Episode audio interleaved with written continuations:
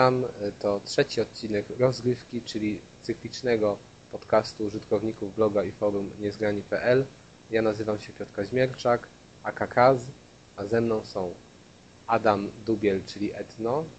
Witam. Amadeusz Czułasz, czyli Deusz. Również witam.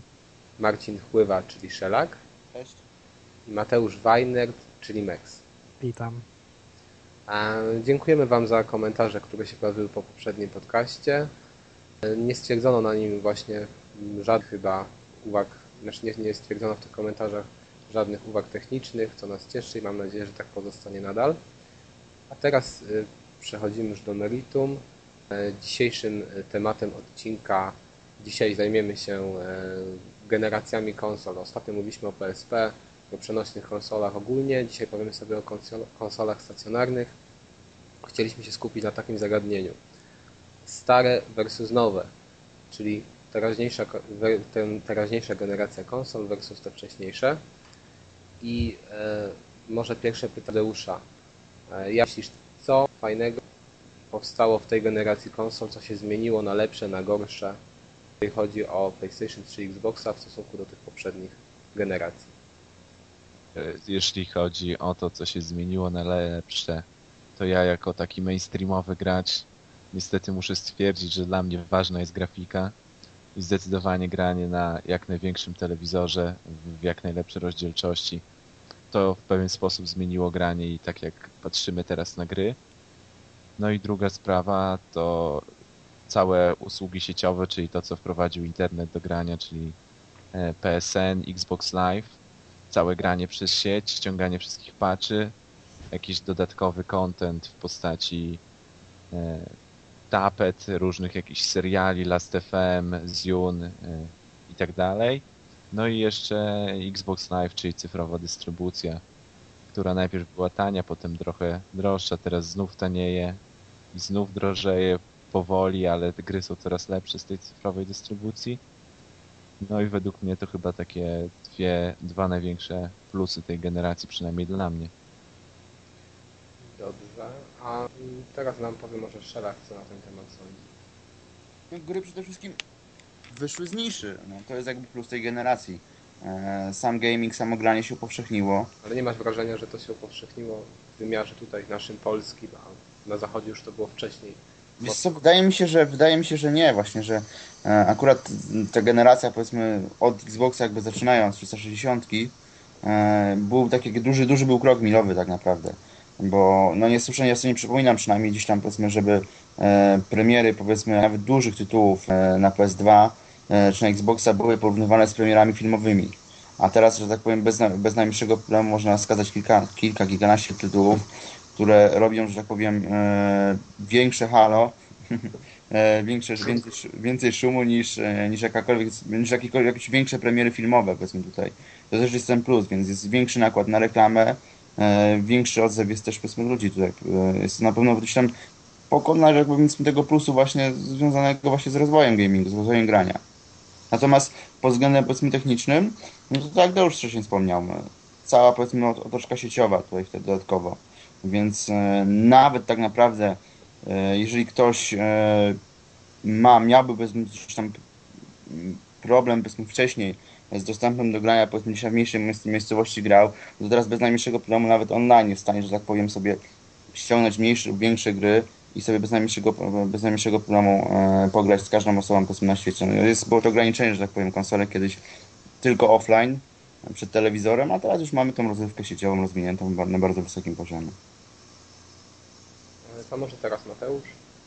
Dokładnie, tak jak mówicie, większy, przede wszystkim właśnie większy nacisk położono na, na budowanie wokół tych e, konsol, jakiejś społeczności, jakiegoś community i tak jak teraz możemy właśnie grać razem na PSN czy na live, tego, tego nie było. Były, tak, były jakieś, można było grać przez sieć na, na starym Xboxie czy na, na PlayStation 2, ale teraz, teraz, teraz jest to zdecydowanie prostsze i, i łatwiejsze. No i, no i warstwa y, audiowizualna, bo, bo to jest tak naprawdę skok jakościowo ogromny w porównaniu z PlayStation 2. Na, teraz na, na, na tych konsolach i, i, i to w zasadzie tyle, bo tak naprawdę to są główne rzeczy, które, które zauważa się teraz. to teraz przejdziemy do Adama. Co ty sądzisz, jak ty sądzisz, co się zmieniło na lepsze, na Nie, gorsze? ciężko mi coś powiedzieć, bo jestem użytkownikiem konsoli od niedawna. Dopiero, nie wiem, pół roku temu, czy trochę więcej kupiłem swojego pierwszego playaka, więc jedyne, moje, jedyne co mogę porównać to ze starym Pegasusem. No a to chyba Jest różnica. jest różnica, tak, widać, widać. Powiedzcie, Bo to w sieci generalnie. ale nie, może powiecie mi, bo ja na przykład widzę taką zasadniczą różnicę między tą generacją, a tymi wszystkimi poprzednimi. Y, Moim zdaniem w większości przypadków to poprzednie generacje, każda nowa generacja różniła się od poprzedniej w zasadzie grafiką. Nie ma takich istotnych różnic, jakie się teraz pojawiły, czyli no chociażby ten tryb sieciowy, nie? który jest y, no jakby dużym udogodnieniem dla wszystkich ludzi, którzy nie mają e, pod ręką bra brata czy kolegi, z którym mogliby zagrać dany tytuł. Dla mnie osobiście jest to bardzo fajne, chociażby w bijatykach, gdzie w końcu e, mogę spotkać jakichś tam wymiataczy i, i zobaczyć swoje miejsce w szeregu.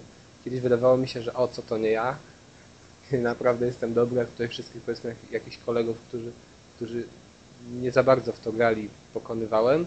Tu nagle wchodzę do sieci, odpalam sobie jakąś bijatykę i się okazuje, że, że dostaję łupnia od, od większości jakichś tam graczy, nie? I to jest takie, tak, taka duża, duża zmiana. Ale nie powiedzieliście mi, nie odpowiedzieliście mi też na takie pytanie, czy waszym zdaniem y, teraz jest lepiej niż to wyglądało wcześniej, czy gorzej? Tutaj Szelak bodajże powiedział o tym, że, e, że teraz jest granie bardziej powszechne. Tu też są pewnie mogą być różne występować opinie. Czy to dobre, czy to złe, jak uważacie? To może ja powiem na początku, że w porównaniu z Pegasusem jest dużo lepiej. Nie no, oczywiście, że lepiej, jeżeli chodzi o, o dostępność gier, znaczy dostępność samego grania. No, myślę, że e, po to, że tak powiem, no, gramy, żeby nie być traktowani jacyś jakieś wyrzutki społeczeństwa. No. Ale nie E, sądzisz, że to kiedyś należało do takiej zamkniętej kasty, ty- która się charakteryzowała tym, że, że, że taką dużą ekskluzywnością. A O nie, nie, wiesz to nie. Zapachnie mi to jakimś takim dziwnym, jakąś taką perwersją już naprawdę. nie no, no jakby no, nie róbmy z tego, nie róbmy z grania czegoś mistycznego, bo to nie jest zupełnie nic mistycznego, tylko po prostu hobby, takie, każde jak, jak, jak inne, że tak powiem, jak czytanie książek czy oglądanie filmów. I dobrze. I moim zdaniem dobrze, no nie jest powiedzmy coś, nie jest to coś specjalnego, e, jak jakaś właśnie sekta. Ale wiesz, to jest, to mi przypomina trochę sytuację, e, jaka była z Władcy Pierścieni, że ci ludzie, którzy czytali książkę przed wyjściem filmu, przed tym całym hypem, też uważali się za tak trochę zamkniętą sektę i, i, i- później na tych, tych, tych nowych, e, którzy zachwycili się Władcy Pierścieni dopiero po obejrzeniu filmu, patrzyli z taką wyższością, że, że, że jak to przecież wy tutaj jakieś takie pospólstwo przyszło. To trochę tak, trochę mi to przypomina sytuację z hardkorowcami i casualowcami na konsolach, tak? No, ale to mówię, to jest, to jest po prostu dziwne i tak naprawdę, no, no co co, no, granie to granie tak naprawdę, no.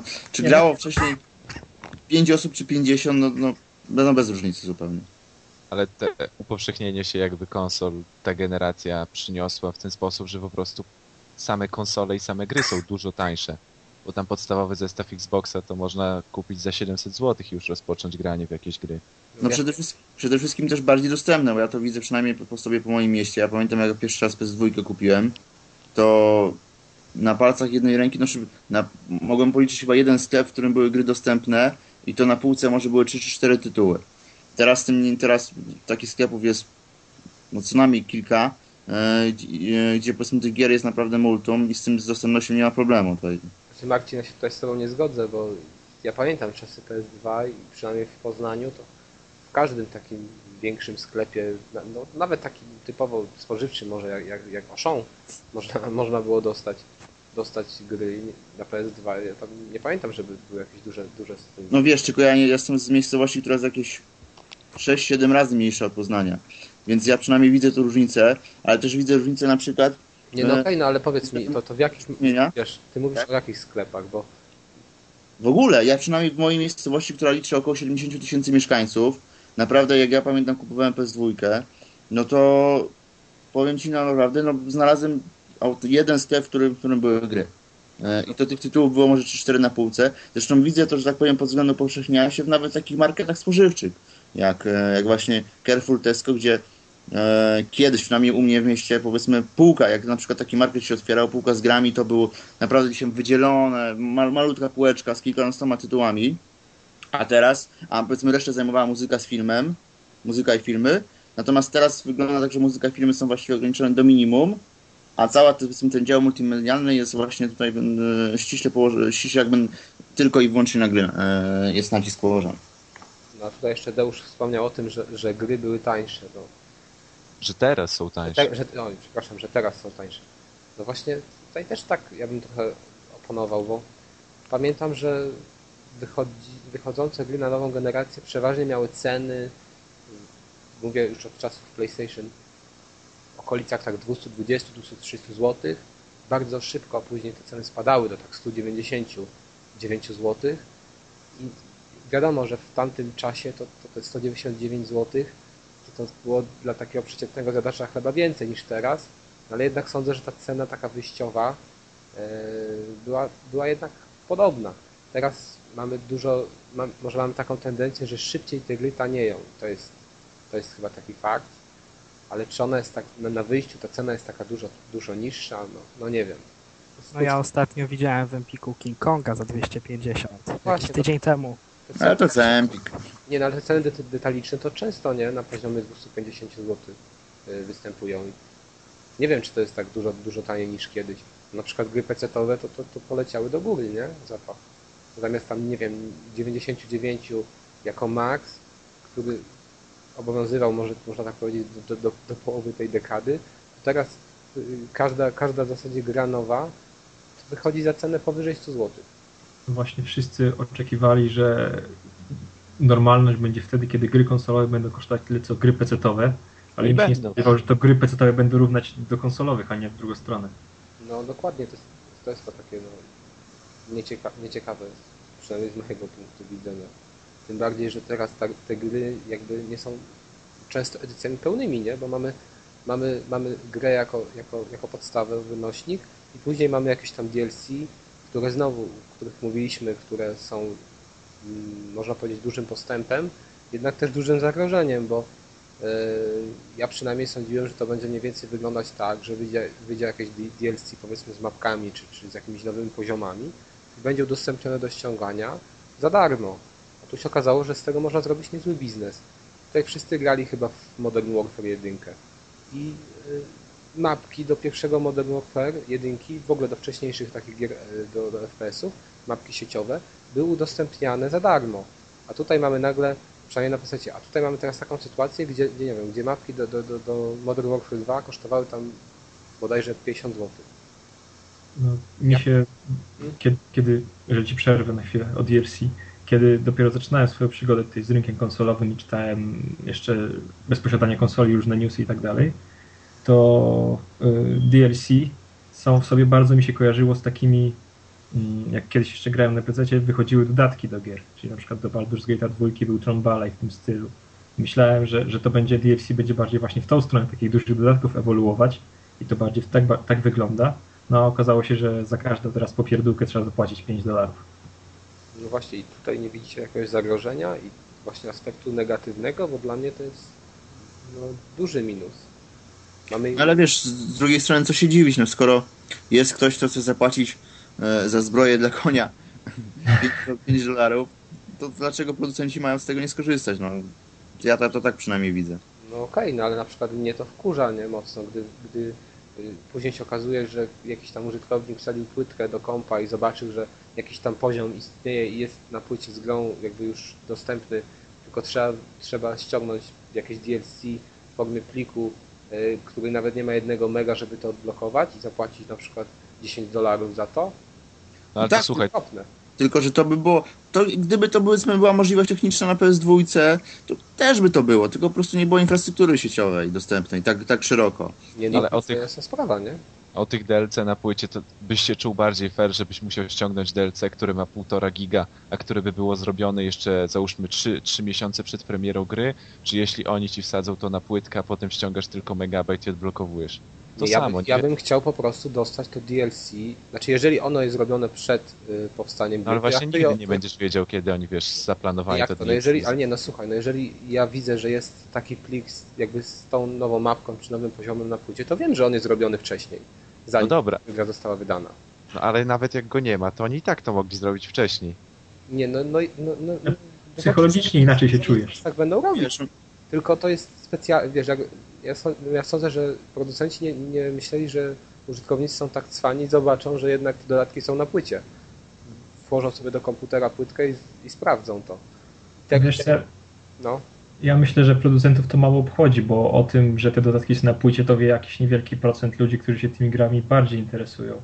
A, No, wiesz, ale- a większość, większość e, ludzi kupujących gry po prostu tym nie wie, ich to nie interesuje. ale nie, nie uważasz, że właśnie ci, którzy kupują to DLC, to są właśnie tacy bardziej doświadczeni, którzy siedzą w takich sprawach, jak na przykład blogi konsolowe czy, czy portale, na których właśnie takie, takie informacje są upubliczniane. U, u, No dobrze, no to jeżeli jest tak, ale tak czy inaczej te DLC się sprzedają też w jakichś dosyć dużych ilościach, więc znaczy, że im to tak bardzo nie przeszkadza, że chęć posiadania nowego kontentu jest e, silniejsza niż jakieś tam uprzedzenia czy ideologiczne sprawy. nie, No na po pewno by nie- opłaca.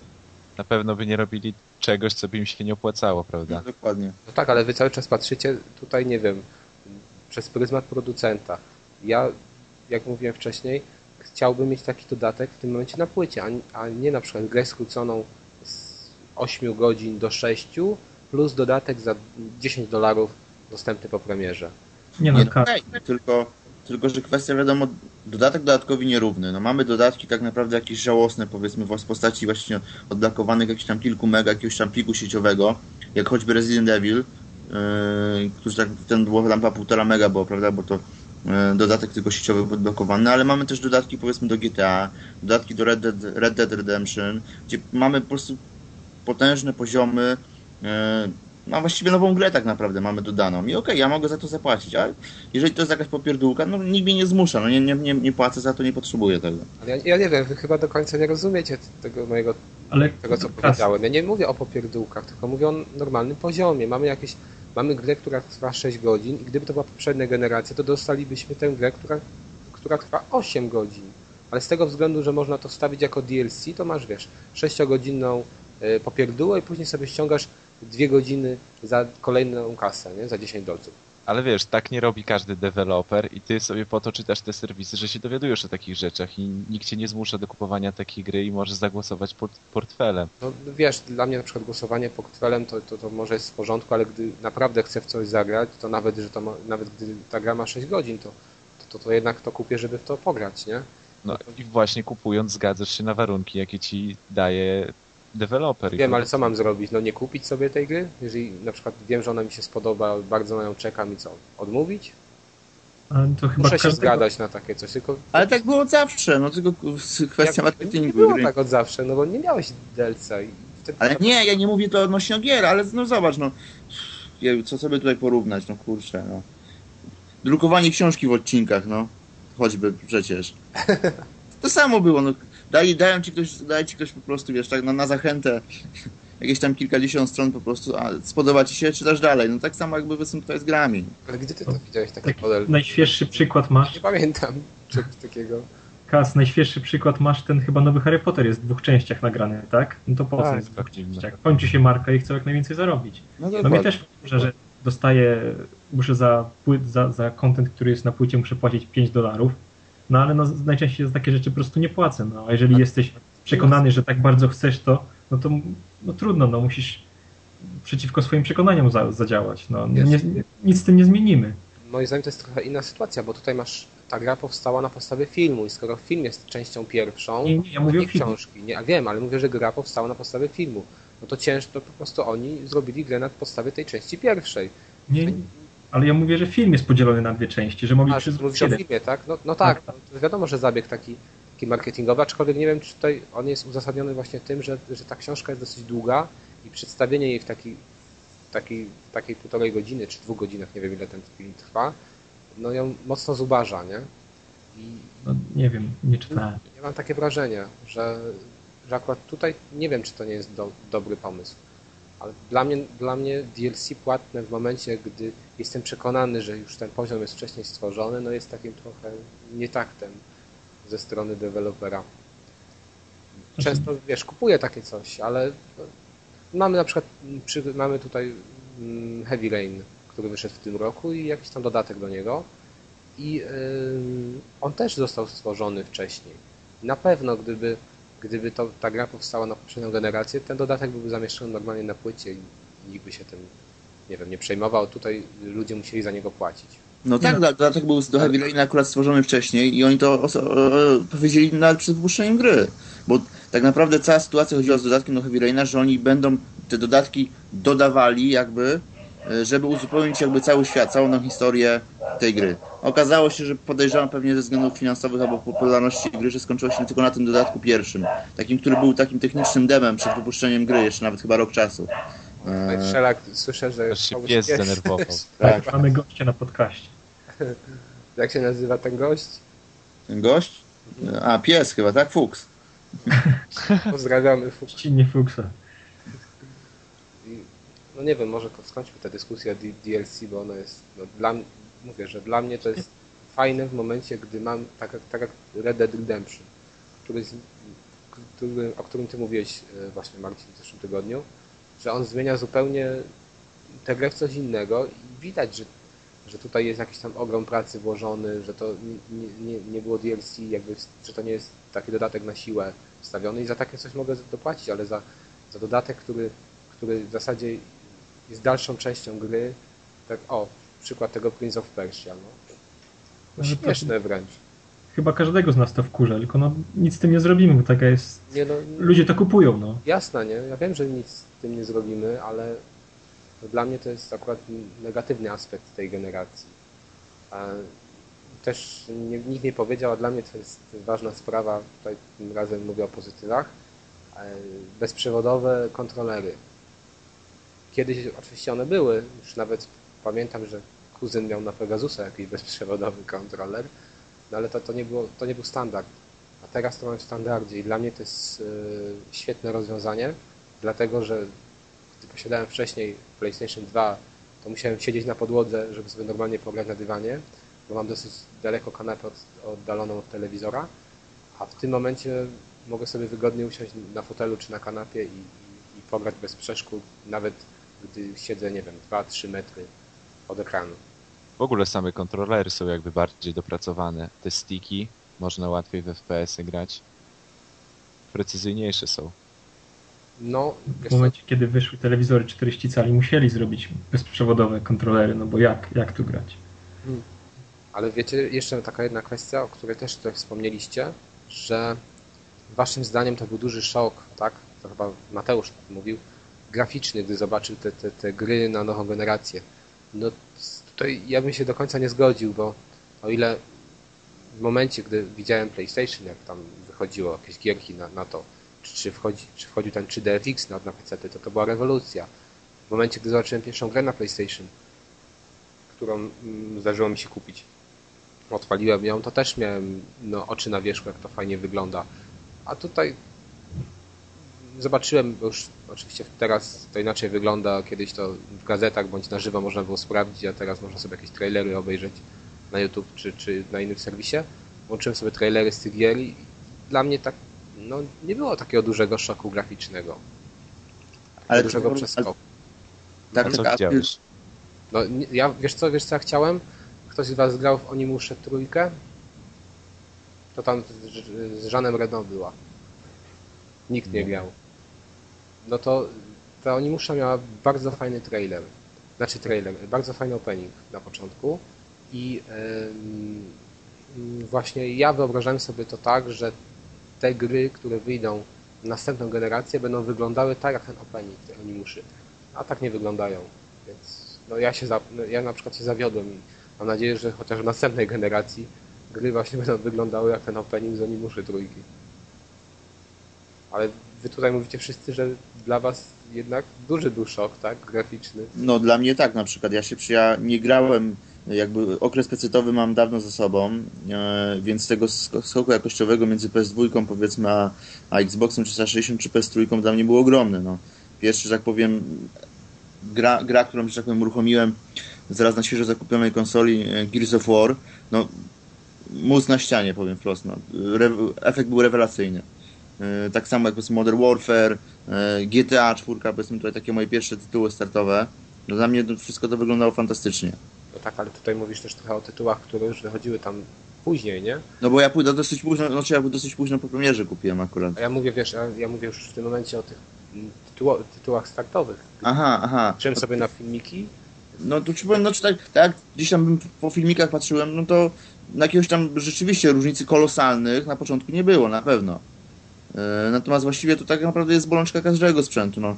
E, bo z tego co pamiętam, przecież tą PS2 między PS1, była duża różnica. duża różnica, okej, o jak najbardziej. Tylko, że też wiadomo, oczekiwania zawsze są potem ogromne, a rze- rzeczywistość weryfikuje swoje. No, ja się z tym zgodzę, ale e, tutaj można mniej więcej to porównać tak, jak ktoś ma DS-a i PSP i sobie zobaczy, jaka, jaka jest różnica między tymi, tymi dwoma sprzętami pod względem graficznym. Ona jest ogromna i sądzę, że, że właśnie podobna różnica była w przypadku PSX-a, a PS2 czy, czy, Xboxa i e, w tym momencie różnica między PS2 a PS3 czy, czy Xboxem a Xboxem 360 już nie jest dla mnie takim szokiem. Ja się spodziewałem, powiem szczerze, że to będzie naprawdę fajnie wyglądać. No może co najmniej jak te gry, które teraz wychodzą typu Uncharted. Na początku takich gier nie było, które by wywo- wywoływały taki szok graficzny. No ale to tak zawsze jest, że na starcie nie ma jeszcze takich tytułów, które Ale- pokazują pełną moc konsoli. Wiesz, tylko, że- wiadomo, ale miałeś na przykład, y, nie wiem czy kojarzycie taką grę Bouncer? To się nazywało chyba na PS2. To jeden z tytułów startowych chyba był. Albo na samym początku wydanych. I on już wtedy nie zgarnął wyśmienitych recenzji, bo był dosyć słabym, słabą taką bietyką, ale wyglądał świetnie, na, tam, jak, jak na tamte czasy. I No ale He- Heavenly Sword, nie? On chyba też był e, startowym tytułem PlayStation 3, tak? nie, nie, No i te, Nie, nie, no dosyć Nie? późno. później no to widzisz, no z- ja kupiłem konsolę też późno, także e, także nie, nie, nie kupowałem jej na starcie, więc nie wiem jak to wyglądało na początku. Ale to tym bardziej dla Was ten szok powinien być, być, być jeszcze większy, nie? Znaczy jeszcze chyba mniejszy, bo już dużo rzeczy można było sobie zobaczyć w internecie, jak na przykład na komputerach wygląda grafika i w tym momencie porównaliście sobie z PS3. No, no nie wiem. Ja uważam, że to jednak nie było takiego dużego przeskoku, przeskoku graficznego. Przynajmniej, przynajmniej dla mnie. Jeszcze jedna kwestia, o której chyba nikt nie wspomniał, to twardy dysk w konsoli. Wiadomo, że te, te twarde dyski pojawiają się już, już za czasów Xboxa i PS2, ale to, to można powiedzieć, że były mocno ograniczone. I, I też wielu zarzucało, pamiętam jeszcze te czasy, gdy wychodzi właśnie Xbox, że to będzie drugi PC i co to w ogóle ma być. E, właśnie ze względu na, na chociażby ten dysk twardy. Czy w Waszym przypadku on y, dużo zmienił, jeżeli chodzi o granie? Wiesz co, on, Instalacja chociażby. on tyle nie jest jakby nowym featurem, co po prostu techniczne jakieś aspekty zmusiły jakby producentów konsoli, żeby zainstalować dysk. Właśnie Xbox Live Arcade, właśnie możliwość jak, e, instalacji gier, jakiś dodatkowy content, który ściągamy i tak naprawdę jedynym rozwiązaniem było zainstalowanie dysku. On nie był jakby robiony z dodaniem, a dodamy dysk jako feature najnowszej generacji, tylko jakby zostało to wszystko wymuszone i to jest jakby, no nie wiem, nie jako zwykły plus, a jako dodatek, który, wymusi, który wymusiły inne jakby cechy. No, ew- ewolucja sprzętu po prostu, no. I tyle. Sprzętu, no może faktycznie.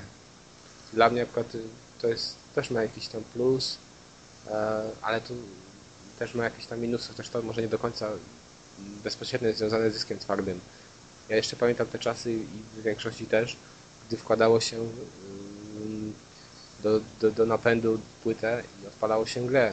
A teraz y, jest często tak, że zanim się tę grę odpali, to trzeba ją zainstalować. I, to też może być dla, niek- dla niektórych użytkowników duży minus. Tyż ty tam, Marcin, ostatnio instalowałeś y, Gran Turismo i, i Mateusz też. Jak to wygląda? I ile czasu trwa, zanim zainstaluje się ta gra na tym dysku? Za, No, chyba z pół godziny ci powiem. Tak, godziny, no. no. No. I to jest takie, moim zdaniem, trochę głupie. Znaczy, A to kiedyś no, największa karta przetargowa była między PC-towcami i konsolowcami na wojnie. O wy Właśnie. to musicie instalować gry, a my wkładamy i gramy. To, No ale też można nie instalować, tylko wiadomo, że zawsze nie, tyle... czasem trzeba zainstalować. Znaczy mówię do Gran Turismo tutaj akurat. No, A. Loadingi są szybsze. Tak, no to jest akurat jakiś tam powiedzmy plus, tego, tego, tego przeczytywania. Nie, no jasne, ale czasem masz niektóre gry, które po prostu wymagają instalacji. Może nie, nie całości, ale w jakiejś części. A to już jest kwestia wszystko zdolności producentów tak naprawdę, bo cofnijmy się może choćby do e, takich najgłośniejszych tytułów, powiedzmy z PS2, choćby no God of War 1, 2. Przecież tam tak naprawdę nie było żadnych loadingów przez całą grę. Właściwie jak użyłeś do czytnika, no ja praktycznie napisu, e, napisów czytywania no, no nie było. Ja sobie przynajmniej nie przypominam. A, a była masa gier, która, tak powiem, nawet teraz jest, no choćby o Fallout 3, e, Fallout 3 powiedzmy Fallout New Vegas, o tym rozmawialiśmy. Czy tą, tą grę zainstalujesz na dysku, czy nie zainstalujesz. E, I tak jak wchodzisz do pomieszczenia, to później te, te, ten napis e, ładowania co chwilę widzisz. No tylko kwestia tak naprawdę zdolności programistów, więc to też jest na pewno e, jakiś powiedzmy tutaj wyróżnik tego. Ale też wiecie co, czytałem sobie tam kiedyś Neo Plus, nie pamiętam czy to był, to chyba nie był ten obecny numer, tylko wcześniejszy. I tam się wypowiadał jeden redaktor, no, to chyba mogę powiedzieć, Kruger, jeżeli ktoś go z Was, znaczy wiele osób pewnie go kojarzy. E, I on pisał właśnie o tym, że, teraz nie pamiętam dokładnie, chodziło o to, że on, jakie są różnice między właśnie PC-tem a, a, konsolami, bo on kiedyś był takim zatwardziałym PC-towcem i e, wymienił właśnie to, że wkłada płytkę do konsoli i już może zacząć grać. No to w tym momencie mnie trochę śmiech ogarnął, bo, bo, bo, bo wiem, że tak nie jest. Ale kas, no, na, na, na PC jak ja jeszcze, jeszcze półtora roku temu dużo grałem na PC, jak jeszcze nie miałem konsoli, no to tak, wkładam płytkę, zaraz tak, teraz jest sprawa, muszę ustalić sobie detale. No to coś tam ustalam, patrzę, włączam raz, czy będzie fajnie, czy nie, czy jest FPS-ów tyle, ile trzeba. Dwa, jakieś tam usługi sieciowe, muszę poinstalować 10 programów od Windows, od jakieś Windows Live Games, czy jak to się nazywało, od Rockstara, GTA 4 chciałem. Więc no, i te, a teraz, kiedy kupuję grę, wkładam ją do nośnika, idę sobie zrobić herbatę, wraca mi, już wszystkie patche mam zainstalowane, zainstalowana jest ona sama na dysku i tylko siadam i gram. No, No to wiesz, jest ale musisz przeczekać. olbrzymi przeskok. Poczekać. Moim zdaniem No tak, ale tutaj to się dzieje bez mojej ingerencji, tylko tyle, że muszę po, powiedzmy wyjść z pokoju na 10 minut albo się patrzeć na, na ekran instalacji. to też chyba nie jest na. PC trzeba kombinować jeszcze często. Wiesz co, ale... Przede wszystkim Tak, Marek.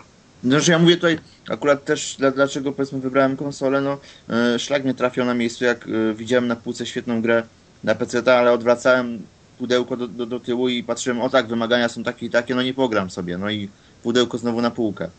E, Więc to też na pewno to, to jest gdzieś tam plus, wiadomo, tej zamkniętej, tej zamkniętej konstrukcji konsoli. Ja jeszcze mogę powiedzieć tylko tyle, że e, no, masz często, Adam, takie usługi chyba, nie wiem czy, czy Ubisoft, ale chyba EA to wprowadził, że trzeba mieć jakby tam jakieś swoje konto, prawda, na EA. No, I też trzeba. trzeba było założyć takie coś przed instalacją, czy tam przed włączeniem gry. Pamiętam już jaką tą grę włączyłem, ale wiem, że musiałem takie coś zainstalować, jakieś konto tam z mailem i... i No to jest raz tylko.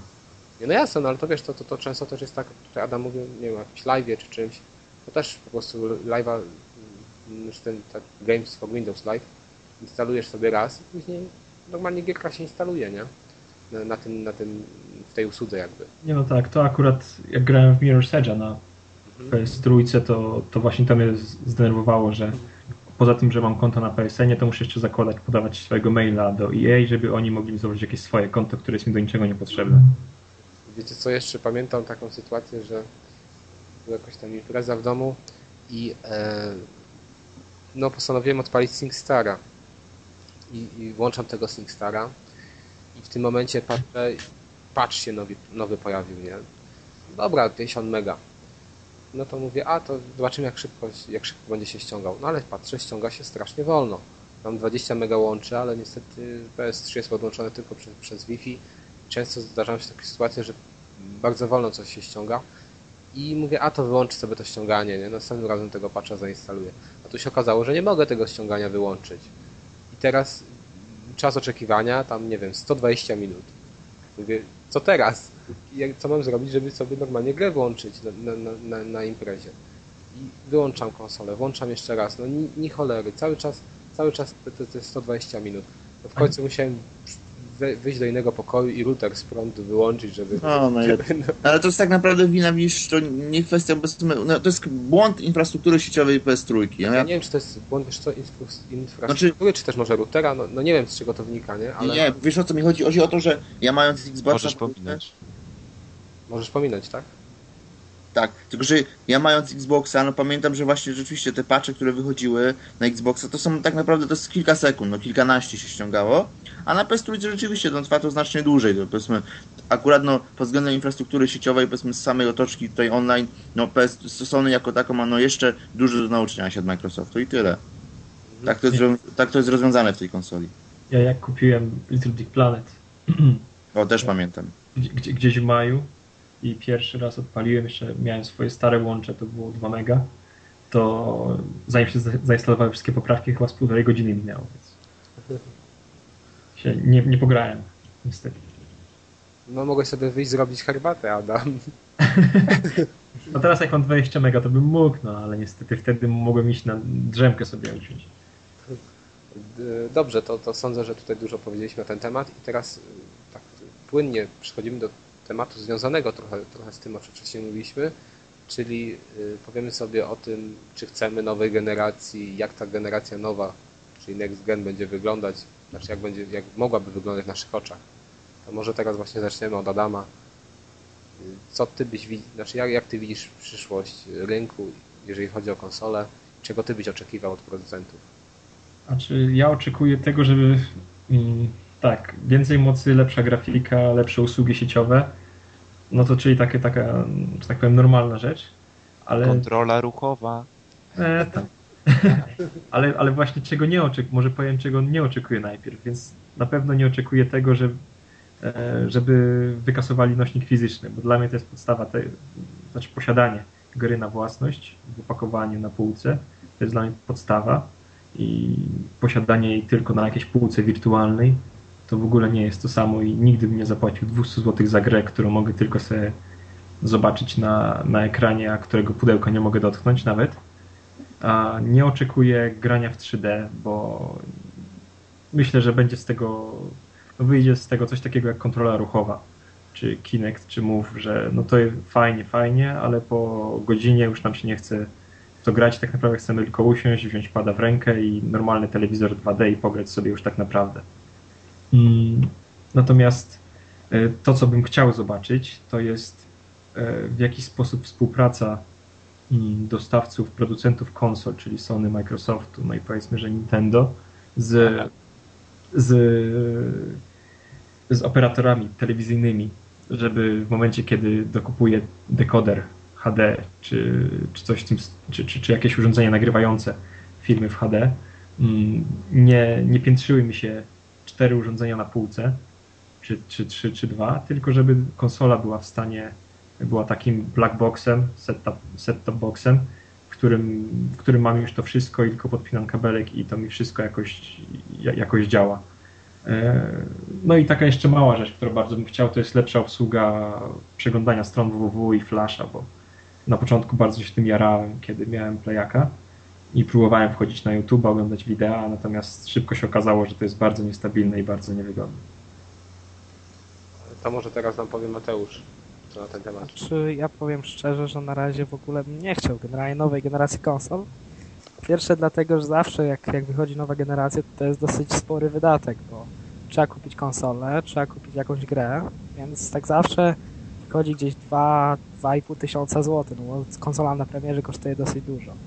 Dlatego nie chciałbym po prostu jakiejś nowej generacji, a jak już, jak już miałaby, miałaby być, to wymagałbym właśnie e, przede wszystkim lepszej grafiki, bo, bo nie wiem już co wymagać, bo tutaj już tyle rzeczy zostało zrobione.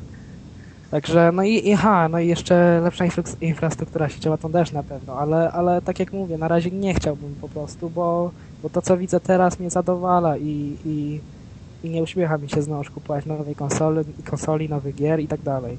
Także Na tym skończysz, tak? tak, na tym skończę. Dobra, to, to teraz Deusz. To ja odpowiadając na pierwsze pytanie, czy chcemy nowej generacji, to ja tak naprawdę nie wiem, czy chcemy nowej generacji, bo żadnych zapowiedzi nowej generacji nie ma i tak naprawdę dopiero jakbym zobaczył, usłyszał, co producenci mają do zaoferowania, to mógłbym się wypowiedzieć, czy tego chcę, czy chcę na to wydać jakąś tam swoje grubo, grube pieniądze, czy nie. A jeśli bym miał tak samemu decydować, to myślę, że fajnym pomysłem jest e, granie w chmurze, czyli przy, przechowywanie wszystkich danych na serwerach i, nawet, i przechowywanie nawet mocy obliczeniowej na serwerach. Że mam w domu jedno małe pudełeczko, które podłączam do komputerów, do, do, do monitora albo do telewizora, a cała moc obliczeniowa, czytanie gier, wszystkie savey, e, wszystko to, co ściągnąłem, jest jakby przechowywane na jakichś zewnętrznych serwerach. I wtedy nie byłoby całego tego wyścigu, że deweloperów, że wycisnęliśmy 100% mocy z Xboxa, to dopiero 90% mocy PlayStation i tak dalej, bo grafika mogłaby ewoluować i nie, nie, nie musiałaby być wprowadzana nowa generacja, bo właśnie e, wszystko by się przeprowadzało, moc obliczeniowa by była na serwerach i jeśli trzeba by było więcej mocy obliczeniowej, to po prostu by się zwiększało te serwery w jakiś tam sposób. Nie wiem, jak to technicznie jest możliwe, ale prawdopodobnie jest to możliwe, więc ja bym to tak widział. No, ale to Deusz byś chciał wszystko mieć, znaczy żadnej swojej własności, płacić abonament ITP? No, już zależy jaki abonament, ale jeżeli by to była mała skrzyneczka, ten abonament by był i właśnie cała, cała ta moc oblicz... Nie byłbym od, tak naprawdę od niczego zależny, od żadnego nośnika, od żadnych danych, tylko bym miał podpiętą kartę kredytową i załóżmy ta generacja by wytrzymywała bardzo długo, bo bym nie musiał wymieniać tej swojej skrzyneczki i wtedy koszt tej skrzynki jakby, tej konsoli nowej by był tani, to jak najbardziej bym, bym mógł nie, nie mieć tych nośników fizycznych. Ale to koszt tej skrzyneczki powiedzmy byłby mały, ale dużo więcej pewnie byś stracił, znaczy stracił, byś wydał na, na abonamencie i na grach samych, bo teraz poczekasz trochę, stanieją, kupisz za pół ceny, czy odsprzedasz, a wtedy jeżeli mamy jakiś swojego rodzaju monopol na rynku, tak, tego usługodawcę, e, no to tak samo jak nie, nie, bardzo możemy liczyć na szybkie spadki cen gier w dystrybucji cyfrowej, tak samo też tamte abonamenty czy, czy ceny za poszczególne gry pewnie by prawie wcale nie malały albo po jakichś strasznie długich okresach. Nie, no wiesz, musiałbym mieć przykład, bo tak naprawdę ja bym musiał wiedzieć, ile jest. konkretnie ta gra by kosztowała. On live. No właśnie. Ale to wiecie, to, to raczkuje jakby w ten, w, ten, w ten sposób, a jakby to było naprawdę tanie, konsole by się rozpowszechniły, to może było się opłacało sprzedawać nawet w cyfrowej dystrybucji taniej, bo po prostu dużo milionów by kopii było sprzedawanych. Ja, tak, ja w to nie wierzę. To nie tak działa. Ja, ja w to nie wierzę, w to, co ty powiedziałeś, bo tutaj bardzo często po prostu producenci już nie, nie, nie, nie wiesz, nie, nie, musieliby, nie byliby zmuszeni do opracowywania nowej konsoli, nie? Byłaby jedna, w ogóle wyklucza moim zdaniem dwa takie pudełka, czy, czy to nawet trzy, Wii, Sony, PlayStation i Xbox.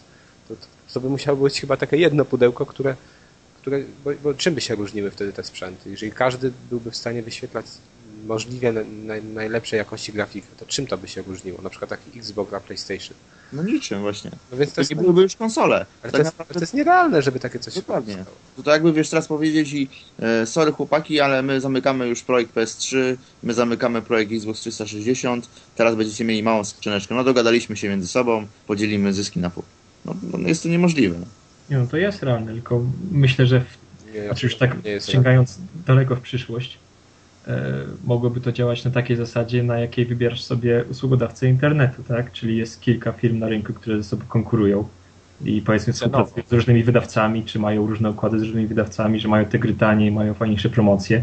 I, I, w ten sposób, że wykupujesz abonament, tak jak teraz kupujesz abonament na telefon. Ale co, nie, ale nie wiem, ja mam cały czas wrażenie, że to jest nierealne z tego względu, że w tym momencie jakby zanika marka PlayStation, zanika marka Xbox. Sądzę, że i Sony, i Microsoft na to nie pozwolą. Nie, nie, nie ma szans. będą się bronić, ale to nie znaczy, że rynek na nich nie wymusi zmiany, że oni sami będą musieli e, przejść. Ale nie, nie wierzę to, wiesz, nie wierzę w to z tego względu, że mamy ten online, y, który niby działa, a i tak y, nie ma dużego wsparcia ze strony chociażby tych deweloperów, jeżeli chodzi o gry. Ale tak oni potrzebują wsparcia, oni potrzebują gry, która działa na PC i nic więcej. Ale oni mogą, ale oni mogą legalnie tę grę przenieść po prostu na tego online'a? Znaczy muszą mieć podpisaną umowę z wydawcą, no to tak, ale z tego No co właśnie, wiem, mamy na przykład, Activision z EA, z największymi graczami. Nie, no okej, ale mamy na przykład y, twórców y, któ- ze studiów, które należą do Sony, nie? Czy, czy współpracują na przykład czy z Sony, czy z Microsoftem. I Oni na pewno by tych gier nie udostępnili na takie sprzęty.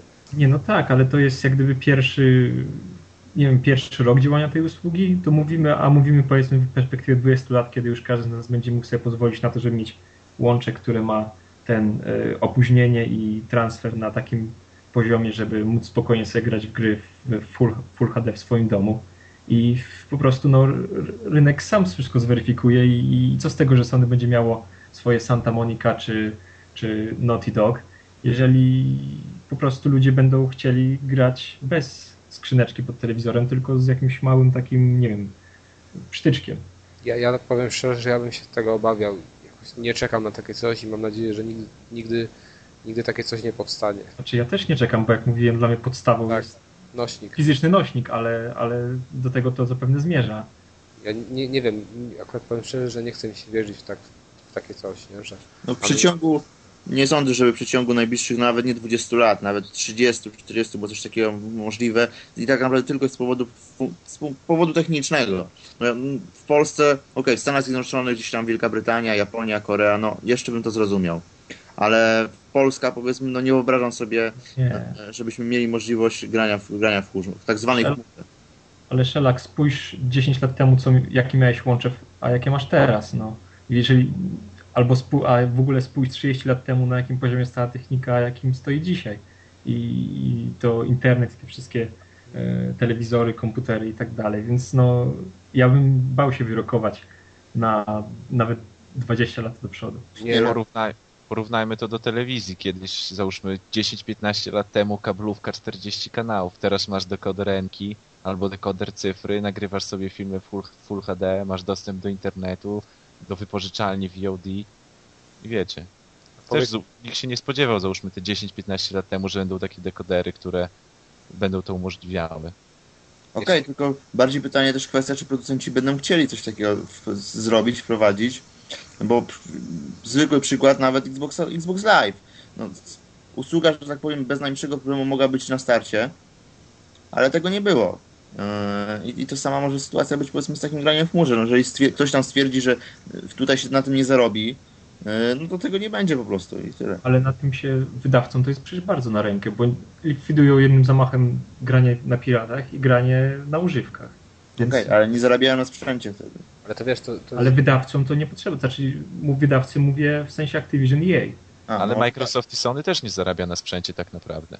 Znaczy za, za, zarabiają, nie? Przynajmniej teraz już zaczęli, zaczęli zarabiać, ja sądzę, że oni że wyjdą na plus. Ale wiesz, Deusz, bo oni jeszcze zarabiają na tym, że te firmy deweloperskie wykupują od nich licencje na korzystanie, na pisanie na ich sprzęt, więc na tym też. No, chociażby rozpoznawalność marki jest dużo większa. No masz jedną taką skrzynkę, która wszystko obsługuje, to, to, to już nie wiesz, czy to Sony, nie wiesz, czy to Microsoft w zasadzie i co. A tutaj wiesz, ta marka się wyrabia przez to, nie? No, ja, Nie wiem, ja mam wrażenie, że to nie powstanie, aczkolwiek nie zgodzę się właśnie z Marcinem, że infrastruktura sieciowa będzie wtedy, nie wiem, u nas powiedzmy raczkować nadal. Sądzę, że właśnie za te 20 lat będą możliwości techniczne, ale wydaje mi się, że nie sprowokuje to do tego, o czym mówiliśmy, czyli, czyli powstania takiego online na, na, na większą skalę. Ale Za 20 lat nagramy podcast. Mhm, to, to, to, no Tak. właśnie, to, trzymajcie to w archiwum i zobaczymy, kto miał rację. to, to wiecie, to jak y, pamiętam, że mi mama, mama moja opowiadała, jak y, bodajże w 70 roku y, dzieci miały napisać w podstawówce, jak ich zdaniem będzie wyglądał rok 2000. No to ta, znaczy narysować je napisać, narysować. I tam rysowały jakieś latające samochody i inne cuda. Nic się z tego w zasadzie nie sprawdziło. No właśnie, więc też nie wiadomo co będzie. Dokładnie. A jeszcze powiedz mi, Mar- Marcin, teraz ty, czy ty czekasz na nową generację i czego od niej oczekujesz? Znaczy przede wszystkim tak, jeżeli chodzi o pierwsze pytanie, to, to nie czekam, nie. Za dużo mam gier jeszcze do ogrania, do sprawdzenia, do pobawienia się tymi tytułami, że żebym już musiał nagle potrzebować powiedzmy nowej generacji. Yy, natomiast jeżeli chodzi o to, czego oczekuję, przede wszystkim oczekiwałbym równego traktowania mnie jako gracza z Polski. Czyli chciałbym mieć to samo, co taki przykładowy Amerykanin czy Anglik, Francuz, Włoch, e, czyli e, pełnego wsparcia powiedzmy dla całej infrastruktury sieciowej w Xboxie, pełnego wsparcia e, dla tych wszystkich dodatków sieciowych na PS3. E, Nie chciałbym powiedzmy znowu czekać, czy, czy łaskawie, że tak powiem, dostać w prezencie tego, co za, za tą samą jakby kwotę, którą płacę, e, tego, co ma powiedzmy jakiś tam inny Amerykanin czy, e, czy Japończyk. Czyli mam nadzieję, że powiedzmy ten rozwój konsol teraz w przyszłej generacji przyniesie, że nie będziemy znowu startowali od zera. Czyli nie będziemy się cieszyli tym, że dostaliśmy nagle możliwość płacenia za granie online po pięciu latach, czy za to, że będziemy mogli jakieś demo sobie ściągnąć, czy łaskawie się zarejestrować na polskie konto. Więc to jest na pewno ten element, na którym bardzo by mi zależało, który, którego oczekuję mm, na starcie powiedzmy nowej generacji. Natomiast pod względem technicznym oczywiście tak, no, lepszej grafiki, e, mniejszego powiedzmy sprzętu. Mam nadzieję, że tak powiem, że ta, ta skrzynka, która będzie e, następną PS4 czy następnym Xboxem będzie znacznie mniejsza. E, tak jakby wielkość Wii by mi odpowiadało. To wtedy. Natomiast nie oczekuję na pewno kontrolerów ruchowych. Mm, a co do 3D, no myślę, że mimo wszystko to, to się upowszechni. Natomiast tak naprawdę zależy to tylko i wyłącznie od tego, czy my będziemy w stanie, czy telewizory 3D, cała technologia ta 3D się upowszechni. Ja jeszcze chciałbym tylko na koniec dodać, że ja bym chciał może bardziej otwartej infrastruktury, jeżeli chodzi o sieć. Mm, mam tu na myśli chociażby taką sytuację, gdy mamy wydaną grę jak Fallout 3 i później nie możemy sobie do, do niego jakby ściągnąć tych dodatków czy tam ściągnąć jakiś modułów, czy, czy, czy innych patchy, powiedzmy polonizujących, czy też no, dodających jakieś inne rozwiązania, czy inne języki. A takie, takie możliwości mamy, mamy na PC i ja bym chciał czegoś takiego, jednak sądzę, że to jest nierealne, bo, bo, bo po prostu się twórcy tych konsol na, to, na, na takie coś nie zgodzą. No to sądzę, że powiedzieliśmy już sobie dużo na temat Mm, poprzedniej generacji, dzisiejszej i następnej, e, jaka by, ona nie, jaka by ona nie była. Teraz zrobimy sobie krótką przerwę na muzykę i e, wracamy za chwilę.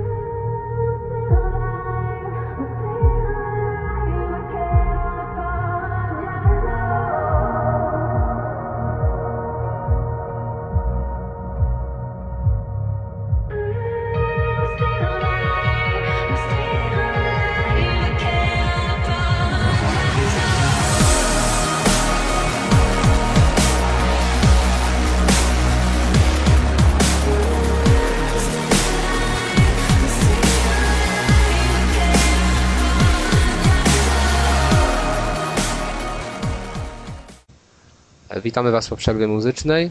E, dzisiejszą muzykę przygotował dla Was Adam. Co to było, Adam? E, więc na pierwszy rzut ucha możecie nie poznać, ponieważ jest to zremiksowana piosen wersja piosenki z końcowej z Mirror's Edge'a. Wykonawczynią jest pani Lisa Miskowski i piosenka nazywa się Still Alive, natomiast zremiksował ją w klimatach dubstepowych e, pan, który się nazywa Airwalker. Więc bardzo, jeżeli wam się podoba, to bardzo polecam, na YouTubie jest i świetny kawałek. E, no więc polecamy i przechodzimy do gier. E, czyli kącik, w co ostatnio grałeś i zaczniemy tutaj od Marcina i Mateusza, z tego względu, że oni grali e, w jeden tytuł i to jest może nawet premiera roku. Mateusz, co to jest za tytuł? To jest Gran Turismo 5 oczywiście. To Jak cię prezentuje? Nie no, ta gra jest obrzydliwie olbrzymia. Ta gra jest wielka i teraz tak naprawdę nie wiem od czego zacząć. Od niej nie wiem, czy mam powiedzieć jakie tryby są, czy co, ale postaram się jakoś przybliżyć to. Powiedz, czy się fajnie jeździ. Aha, okej, okay, to od tego mam zacząć. E, Jeździ się super według mnie. Nie wiem jak Marcin sądzi, ale według mnie jeździ się super. I, Jeszcze, i jeszcze czekaj, Mateusz, bo chciałem Ciebie zapytać, No. czy jesteś fanem gier wyścigowych, czy... ja bardzo lubię. Ja zawsze jak wychodzi jakaś gra wyścigowa, to staram się ją kupić i w nią grać. Także, także muszę... Marcin? Nie, ja nie, ja nie. Ja akurat jeżeli chodzi o wyścigi, e, dla mnie może mo, mogłyby się skończyć na Gran Turismo. Dobra, Mateusz, no więc mów dalej. Model jazdy jest świetny. Zale- mamy ten, mamy NASCAR teraz, mamy e, WRC i mamy wiadomo normalne wyścigi i każdym, każdym się jeździ zupełnie inaczej. Aha, jeszcze są go-karty. Go-karty to jest w ogóle zupełnie inna sprawa. I każdym się jeździ inaczej, w każdym czuć różnicę. Jak w go-karcie delikatnie skręcimy, to od razu można zarzucić.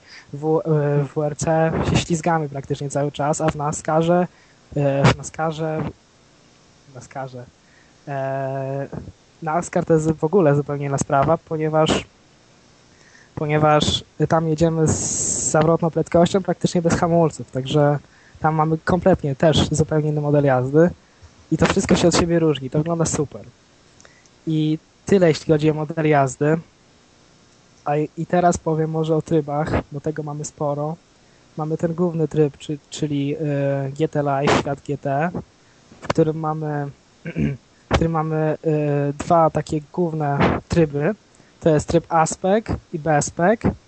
Aspect jeździmy my jako kierowca, a w B-Spec jesteśmy jakby, e, nie wiem jak to powiedzieć, trenerem tego zawodnika i on sam jeździ, jest sztuczna inteligencja. E, mamy oczywiście licencje, mamy jakieś zawody specjalne, na przykład na trasie Top Gear e, i inne. E, także trybów jest mnóstwo. Aha, mamy, mamy nawet, ma, ma, mamy nawet e, tryb zdjęciowy, w których mamy taką małą, małą luszczankę w grze, których robimy fotki, co, co jest świetne, na czym można spędzić naprawdę dużą ilość czasu i wciąga to niesamowicie, chociaż nie myślałem. Mamy co jeszcze? E, mamy możliwość e, tworzenia tras. Znaczy nie jest to taki edytor powiedzmy jak, jak Little Planet był tworzenia e, poziomów, ale możemy wybrać tam szerokość trasy, długość zakrętów, e, pogodę, e, jakie klimaty i tak dalej, i tak dalej. Także to jeśli chodzi o tryby. Może teraz, e, nie wiem, Marcin, chcesz jeszcze coś dodać? Ja wspomnę na pewno też e, o kwestiach e, sieciowych, czyli może nie o samym graniu sieciowym, bo to jest jakby osobna dyskusja, natomiast dodatkowo jest jeszcze tak zwany Gran Turismo TV, czyli mamy tam dostęp do płatnych lub darmowych materiałów filmowych, które są, nie są to powiedzmy jakieś tam krótkie filmiki, ale nawet kilkunastominutowe reportaże, oczywiście w jakości HD, za, za drobną opłatą, tam 8-10 zł, ale są też programy darmowe, E, I z tego co wygląda, na pewno będzie to bardzo rozwijane, e, bo też podejrzewam, współpraca będzie z, z Top Gear. E, Mam nadzieję, że będą dodawali nowe odcinki akurat właśnie przez tą, przez tą usługę Gran Turismo TV. Bo tam jest dodatkowo, poza tymi programami oczywiście, wszelkiego rodzaju trailery z Gran Turismo, trailery Gran Turismo na PSP, ten dodatkowe, dodatkowe elementy. Natomiast jeżeli chodzi o rozrywkę sieciową, no ona, to jest chyba jedyny taki duży minus na pewno, bo jest jak na, chwilę obecną przedpotopowa. Czyli nie ma jakiegoś matchmakingu, e, nie ma możliwości porównywania swoich wyników, przynajmniej ja nie znalazłem jeszcze, choć podobno poprawka się zbliża 1 grudnia i to wszystko ma być dodatkowo e, uzupełnione. Powiedz, No i- jak tobie się jeździ? Bo tutaj Mateusz mówi, że świetny jest model jazdy. Jak Znaczy, to... ja, tak, ja, ja gram na padzie, no na pewno nie, nie gram na kierownicy, natomiast e, chyba jest to z nie, jedna z nielicznych gier, właściwie nie, je- jedna jedyna, w której ja czuję różnicę między samochodami, grając na padzie. Czy samochód ma na, na przednie koła, czy ma na tylne koła.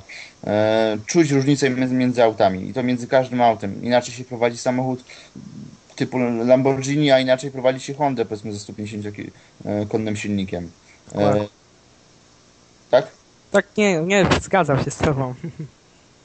Jest, no, no i przede, przede wszystkim tak, no, gra jest potężna, tak już y, wcześniej Mateusz wspomniał. E, pierwszy, pierwszą godzinę to spę, spędziłem na oglądaniu menu. Nawet nie wchodziłem na wyścigi, po prostu tylko oglądałem wszystko to, co, to, co gra oferuje i gra jest, jest no, potężna i grania jest na lata, mogę spokojnie stwierdzić. Nie na miesiące, tylko na lata. A powiedz mi, czy ty jesteś, yy, a czy już mówiłeś, że nie grasz w wiele samochodówek, ale czy jesteś tak powiem jakimś wyjadaczem, że grasz w ogóle bez wspomagaczy na trybie realistik i tak dalej? Czy, czy, czy ta gra też nadaje się dla kogoś takiego jak ja, kto tam ostatni raz grał jakieś 5 lat temu w Need for Speeda. Aha, y, gram, właściwie wspomagacze mam wyłączone. Y, gram tylko powiedzmy z delikatnie, delikatnie uruchomionym na BSM y, i gra się bardzo fajnie, gra się bardzo dobrze. Trzeba troszeczkę wyczuć powiedzmy oczywiście sterowanie, natomiast możesz sobie też tak zrobić to sterowanie, że będzie bardzo te i bardzo przyjemne. Natomiast myślę, że cała przyjemność grania to właśnie czucie tej różnicy między autami. Znaczy pytam, bo na naszym forum niezgranych jest dosyć ciekawy i długi wątek na temat Gran Turismo 5 i czytając to z, każ z każdym dniem mam coraz większą ochotę, żeby iść do sklepu i rzucić wszystkie gry, w które teraz, gry, w które teraz gram i po prostu zacząć grać w Gran Turismo. Idź, idź do sklepu. Idź, kupuj, graj. Ale y, tutaj myśmy grali w to demo e, Need for Speeda i powiedzcie mi, czy ten model jazdy faktycznie jest, no, no, wiadomo, że tam jest arcade'owy bardziej, ale jeżeli byście mieli porównywać po tym demie, czy mm, jest to, nie wiem, zdecydowanie lepsza gra, czy, czy może faktycznie dla tego, dla kogoś, kto na przykład lubi wyścigi arcade'owe i ten for Speed mu się podobał, czy to mu się spodoba, jak to wygląda. Na przykład bardziej wolę arcade'owy model jazdy niż na przykład y, w Fordzie. I teraz nie wiem, czy, czy warto kupować to Gran Turismo, czy nie. Nie, no na pewno nie jest to arcade czysty. Eee, wręcz przeciwnie, jest to, jest to rzeczywiście symulacja. Więc raczej nie ma, nie ma mowy o wchodzeniu 250 na ręcznym na zakręcie. I to czy jeździsz, e, czy jeździsz jak, jakimś wypasionym, wypasioną furą, czy, czy jakimś słabym autkiem. Więc na pewno, jeżeli lubisz prosto, szybko, to, to nie jest chyba gra dla ciebie. Tą grą się trzeba delektować, opowiem w ten sposób. Wiesz, ale ty to powiedzmy, że ty nie grasz, nie? W wyścigi, a jak grasz, to w jakie? No bardziej, e, jeżeli tak, to wolę, wolę te, te gry symulacyjne, czyli e, jak już to Gran Turismo, jeżeli ten to Forza, niż Burnout powiedzmy, czy, czy Need for Speed. O, to ja mam taki punkt odniesienia dla siebie samego. Czy grałeś może w Need for Speeda Porsche, tego z 2000 roku bodajże? Tak, tak. I, to, i, czy to jest coś podobnego, jeżeli chodzi chyba, o model jazdy? Chyba tak. tak. No z tego co pamiętam, to był taki bardzo symulacyjny, była duża różnica między tym Porsche, a wcześniejszymi Need for Speedami. Tak, Więc, dokładnie. Więc tak, w tą stronę, trzeba, trzeba iść w tą stronę, jeżeli chodzi o ocenę gry. Ocenę powiedzmy stylu jazdy. A powiedzcie mi jeszcze, wy obydwaj graliście w Forza, Mateusz? Tak. tak, ja grałem. Marcin też mówił, że grał i no to może teraz Mateusz powiedz mi, co jest lepsze, Forza czy, czy Gran Ale teraz, teraz wiesz, fanboje się na mnie rzucą. Nie no, ale nie no, zaraz, no każdy ma swoje zdanie, więc... Nie no, ale nie no, jak mam mówić tak szczerze, to zdecydowanie bardziej mi się podoba Gran Turismo. A możesz powiedzieć tak, dlaczego? Model jazdy mi jakoś bardziej odpowiada. Nie wiem, Forza grałem już tak naprawdę trochę czasu temu, kiedy jeszcze miałem Xboxa, ale, ale, ale pamiętam jeszcze mniej więcej model jazdy i ten tutaj mi zdecydowanie bardziej odpowiada. No i po prostu jest tutaj naprawdę dużo do roboty. W Forzie, w Forzie, w Forzie też było sporo, ten tryb kariery też był duży, ale tutaj, tutaj, mamy, tutaj mamy, tak jak Marcin mówił, gry na lata. Także ja spędzam z tą grą ostatnio kupę czasu i, i, i tylko w nią gram tak naprawdę. No, mm, jeszcze może, może, może powiecie, czy to wygląda też tak, jak ja grałem w dwójkę. Ostatnie Gran Turismo, jakie grałem, to, to, to było Gran Turismo 2. I tam wyglądało to mniej więcej tak, że na początku dostawaliśmy jakiś taki słaby samochód, którym naprawdę się bardzo średnio, można powiedzieć, jeździło i, i mnie mnie ta konwencja znudziła. Czy to też tak jest, że po prostu zaczynamy od jakichś takich słabych aut? Tak. Zaczynasz od, zaczynasz od jakiegoś kiepskiego autka, ale, ale przynajmniej dla mnie jest to plus. Ja, ja, jeżeli lubię, to lubię się ścigać takimi samochodami, które nie są z kosmosu, tylko właśnie takim zwykłym autem i całą przyjemność właśnie w tym mam. E, więc dla mnie jest to plus na pewno. No i jeszcze y, generalnie bardzo często zmieniamy samochody, bo, bo dużo jakichś pucharów wymaga innego auta.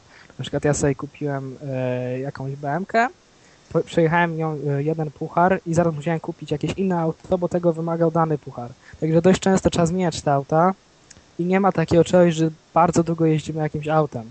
Przynajmniej ja, ja tak miałem, bo przeszedłem tą pierwszą ligę, drugą trochę zacząłem i, i na razie bardzo często zmieniam auta.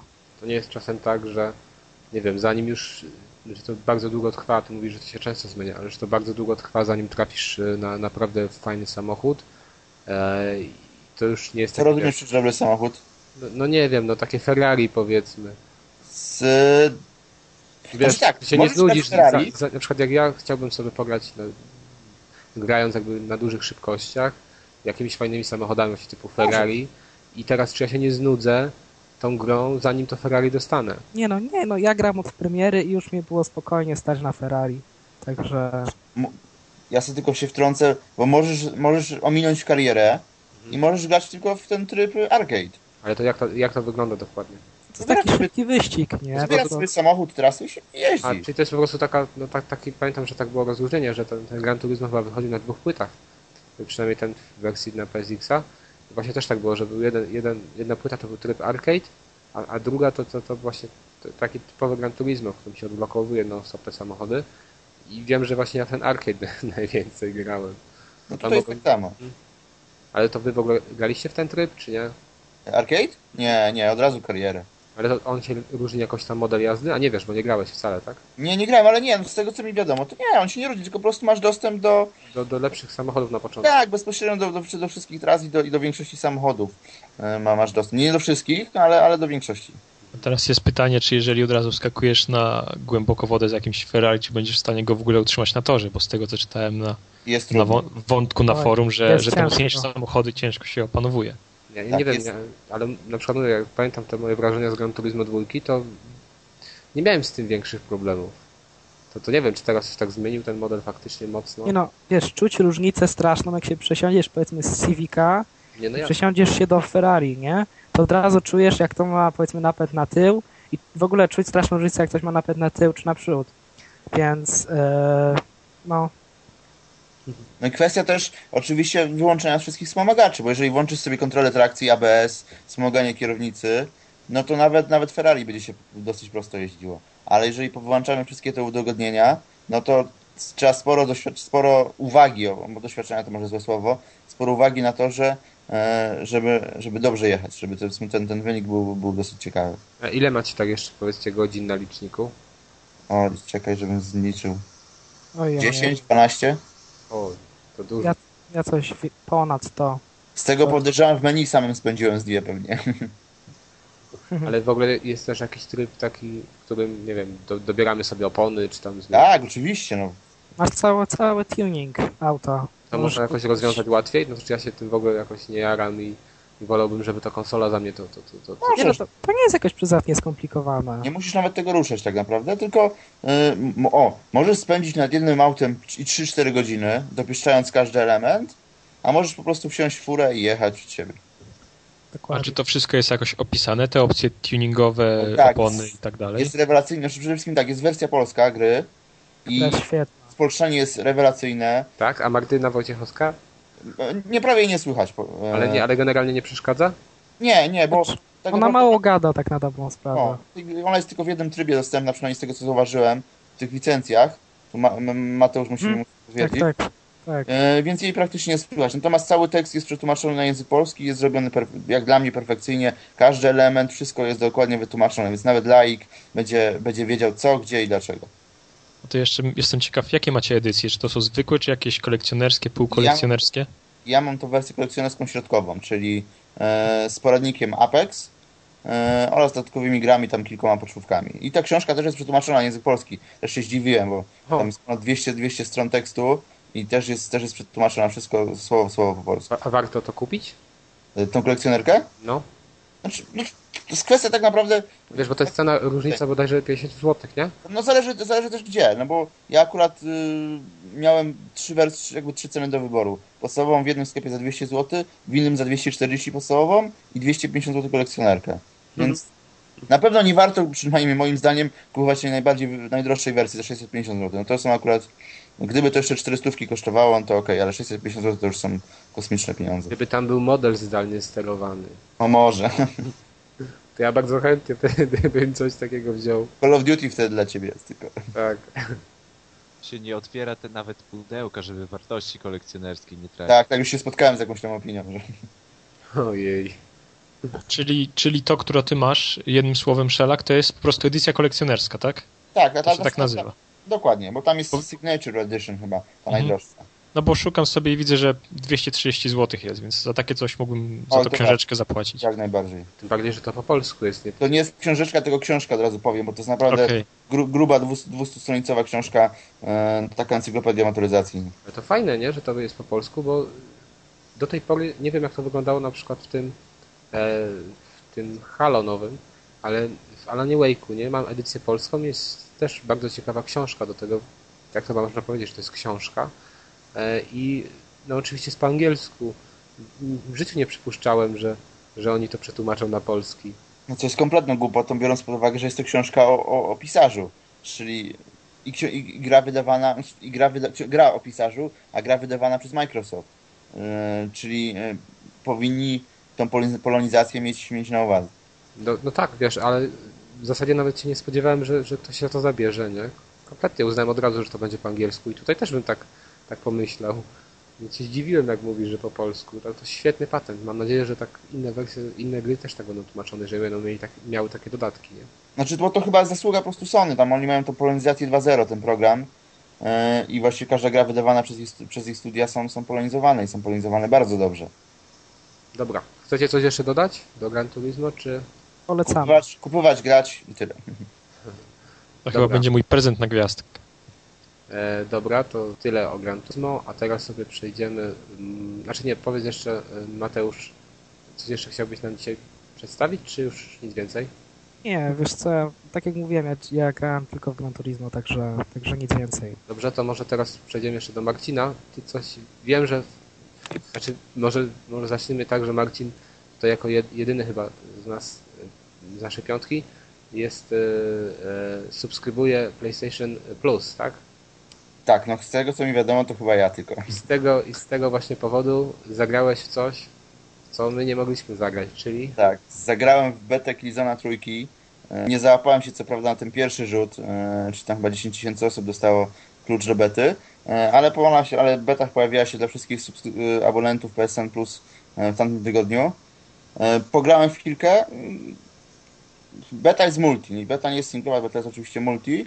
E, Przede wszystkim pierwszy element, na który zwróciłem uwagę, to jest grafika. E, Możecie wierzyć na słowo, ale gra, gra urywa głowę, wygląda rewelacyjnie, fantastycznie i, po prostu jest boska. No, to, to mogę powiedzieć. duża jest poprawa w stosunku do dwójki, bo dwójka też była fajna, nie? E, Myślę, że myślę, że tak. Jest, nie jest to może taki kolosalna różnica, ale jest duży plus, duży plus. Szczególnie e, ja tak byłem świeżo po, po multi w e, Call of Duty Black Ops i, i zaraz uruchomiłem to multi w Killzone trójce i jest po prostu kolosalna, więc teraz pomyślałem, po to są studia, po to są gry e, na wyłączność, żeby właśnie pokazywać moc konsoli. E, Bo jest różnica, no, powiem inaczej, no tak jakby te gry dzieliła powiedzmy 2-3 lata generacji. Bo wygląda po prostu to rewelacyjnie. Gra się też inaczej. Ja, e, przynajmniej jeżeli ktoś z Was grał w multi Killzona dwójki, tam postacie zachowały się jak czołgi, były takie powolne, ciężkie. Natomiast tu wszystko jest, dzieje się dosyć szybko. Taki bardziej styl jest właśnie jak Call of Duty. E, Akurat mi to osobiście bardziej odpowiada. E, Wracając tutaj jeszcze do, do, samego, do samych trybów grania, jest tryb multi, można grać z, z przeciwnikami żywymi, jak i można grać z botami, sterowanymi przez konsolę. E, Kilka trybów rozrywki, czyli, czyli standardowo powiedzmy wszyscy na wszystkich, w drużynach, e, jakaś obrona celów. e, Na pewno e, akurat jeżeli ktoś jest nieprzekonany, byłby nieprzekonany do, do kupna e, trójki, to, to po tej becie, przynajmniej jeżeli chodzi o grafikę, e, to, to można brać w ciemno. czyli ty jesteś generalnie przekonany, tak, do zakupu. Oj, na pewno tak, na pewno w dniu premiery. No to no, powiem szczerze, że mnie chyba też przekonałeś. Dwójka mi się podobała, ale mm, na przykład w multi grałem tylko przez chwilę. A multi, mnie- multi ja tylko. A multi akurat mnie nie, nie, nie porwał. Dwójka mnie nie porwała, bo była dla mnie właśnie taka za powolna. To wszystko tak się działo jakby powoli, statycznie. Tu jest wszystko tak, tak dobrze dopracowane i takie stylu w Call of Duty, czyli szybko, fajnie, e, więc na pewno w multi też, jeżeli się tam dużo nie zmieni, e, a myślę, że zmieni się tylko na plus, e, to, to na pewno też będę grał, więc na pewno też polecam. Ale powiedz jeszcze, czy ta beta jest tylko po angielsku, czy są też, jest na przykład język polski? Beta jest. O, wiesz co, o, ale mi teraz było źle zabijać. Beta, beta, po angielsku, po angielsku. No, nie, bo tak się pytam, nie, na pewno będzie spolszczona. A nie, to na pewno tak, to gra na pewno będzie po polsku. Podejrzewam tylko teraz kwestia, czy będzie z pełnym dubbingiem, co rozmawialiśmy. Cholera. w tamtym tygodniu, to będzie z napisami. No wolę osobiście z napisami. Wiesz co, ja liczę na to, że będzie wybuch, czyli że będzie dubbing i, e, i, i angielska wersja również. To zrobią fajnie jakieś takie wersje, jak, jak powiedzmy Bad, Bad Company nowe. Mhm. To trzeba Rysławowi dać do tłumaczenia. O tak. Właśnie. Dobra, no to słysz- słyszę, że nie masz nic więcej do dodania. To, to, to przechodzimy e, do Adama. Adamie. To ja się chciałbyś z- powiedzieć? zapytam Piotrze, czy ty coś grałeś? Może ze mną nawet, online, w kooperacji? Powiem ci właśnie, że tak. E, Myśmy grali razem w Larry Croft. Jak to tam się nazywa ta końcówka? Guardian of Light. Guardian of Light. No, no to powiedz, co, co podobało ci się, czy nie? No więc tak, y, jako że w zeszłym tygodniu y, wyszła łatka do, do najnowszego, najnowszej osłony, powiedzmy, Tomb Raidera, y, która umożliwiała granie w kooperacji przez sieć, a nie tylko lokalnie, więc y, stwierdziłem, że to będzie bardzo dobry zakup do tego, żeby sobie czasem pograć z Kazem online, y, już nie tylko w DJ Hero, ale też w coś poważniejszego. I y, no i po zakupie, najpierw żeby się wdrożyć w sterowanie, em, odpaliłem tryb single player, pograłem w niego może z 20 minut, no i podobał mi się, było wszystko ok, ale to jeszcze, to jak się okazało, to jeszcze w ogóle nie to, to tryb single player w ogóle nie ma startu do kooperacji, ponieważ później spotkaliśmy się z Kazem, no i zaczęliśmy grać w kooperacji, no i się okazuje, że ta gra po prostu wygląda tak, jakby była po prostu projektowana od podstaw do tego, żeby grać w dwie osoby. I wszystkie zagadki, e, rozwiązania e, mechaniki gry, czyli to, że jedna postać ma swoje właściwości, druga ma Lara, znaczy Lara ma swoje właściwości, jej towarzysz, czyli on się nazywał, jak on się nazywał? Totek? Totek, tak, dokładnie. E, Ta, ta druga postać ma swoje właściwości i umiejętności i wszystkie zagadki są tak zrobione, są tak wymyślone, żeby tylko i wyłącznie ściśle współpracując dało się je rozwiązać. No i tutaj taka uwaga, że bez headseta w tą grę po, po, po, sieci to nie ma w ogóle co grać. My, myśmy się czasu. tego. Tak, To znaczy- Trzeba czasem się mocno namyśleć i nakonsultować. Dokładnie. I ja jeszcze też chciałem dodać, że to, co mnie urzekło, urzekło tak w tej grze mocno, to są zagadki, które są bardzo fajnie wymieszane. To znaczy, mieliśmy na przykład taką sytuację, że stoimy sobie przed taką, takim miejscu, w którym mamy jakąś tam zagadkę i próbujemy najpierw jakimś tam najprostszym sposobem. To się nie udaje. Później się okazuje, że gdzieś tam w oddali są jakieś schody. I mówię, no co, mówię do Adama, bo Adamek grał tym totkiem. Wejdź Adam na schody i rzuć te, rzuć jakby, bo tam polegało to na tym, że musieliśmy się dostać w wyższą partię e, takiego słupka i y, mm, jakby ten totek rzuca włócznie, po których Lara może skakać. I on tutaj, Adam rzucał te włócznie jakby z poziomu tego podstawowego i ja po prostu nie, nie, nie mogłem doskoczyć do, do, do, do tego miejsca, do którego miałem to zrobić. W tym momencie trzeba było wykorzystać te schody, czyli cofnąć się kawałek dalej, wejść na schody i, i z tego miejsca dopiero rzucić. A i to są właśnie takie zagadki, które, na, na które bardzo często trzeba zwracać uwagę właśnie na otoczenie. I później mieliśmy taką zagadkę, że trzeba było przejść jakby przez takie pale. I e, też się głowiliśmy tutaj właśnie takim sposobem, jak co tu zrobić, żeby przez nie przejść. I nie mogliśmy nic wymyślić i, i też na końcu chyba, chyba stanęliśmy sobie po środku i po prostu strzeliłem w przycisk i się otworzyło i można było iść. Taki banał totalny, ale w ogóle o tym nie pomyśleliśmy na samym początku, że, że tak to można rozwiązać. I to jest takie fajne, nie? że tam masz takie wymieszane, wymieszanie tych zagadek. Są Tak. prostsze, są trudne i one i tak często myślisz, że o tutaj takim dam, dam, spróbujemy prostym sposobem i się okazuje, że on nie działa, ale przy okazji następnej zagadki już może, może zadziałać. Tak, i to właściwie zagadki to jest to, co mnie najbardziej trzymało przy tej grze, czyli no, walczy też się w porządku, sterowanie jest takie, że staroszkolne, za pomocą praktycznie dwóch analogów, no i, i, i spustu. Natomiast to, co najbardziej mnie przyciągało, to kiedy zobaczyliśmy, widzieliśmy jakieś miejsce, do którego można wejść i gdzie jest zagadka i jakiś ukryty artefakt, no to tam, tam od razu chciałem wejść jak najszybciej i to zagadkę rozwiązać, więc to jest, to mi się wydaje jest najmocniejszy punkt tej gry, bo e, o ile, no wiadomo, tam strzelanie we dwóch to nie jest nic nowego, tyle te zagadki są naprawdę bardzo przemyślane i są, e, są bardzo fajne. Też fajne jest dla mnie przynajmniej elementy platformowe. To znaczy musimy chociażby skakać żeby coś tam zdobyć, musimy y, przeskakiwać przez, po takich słupkach i musi, no, nie, nie możemy spaść. I akurat to przeskakiwanie, to mamy tryb taki izometryczny, jeżeli chodzi o widok, to też się sprawdza. To, to bardzo fajnie współgra. Myślałem, że to gorzej wyjdzie, e, właśnie ze względu na, na widok. A wyszło to naprawdę fajnie. Też bardzo fajne jest to, że e, nie wiemy czego się spodziewać po, czasem po naszych krokach, czyli to jest taki, to jest tak jak w starych Tomb Raiderach czy, czy w Indianie Jonesie, że wchodzimy na most, który wydaje nam się bezpieczny, nagle zaczyna wszystko się walić, e, wyskakuje jakieś ostrza i natychmiastowa musi być nasza reakcja, musimy we dwóch uzgodnić co zrobić, bo sam w pojedynkę jedna osoba nie ma szans, tylko musimy zagrać szybko w kooperacji, szybko się dogadać, szybko myśleć i że, żeby, żeby te wszystkie pułapki rozbroić, więc to też wymaga jakiejś szybkości reakcji, no i przede wszystkim musi być bardzo dobra komunikacja między graczami, więc tak jak mówiłem na początku, no bez headsetu to w ogóle nie ma co podchodzić do tej gry.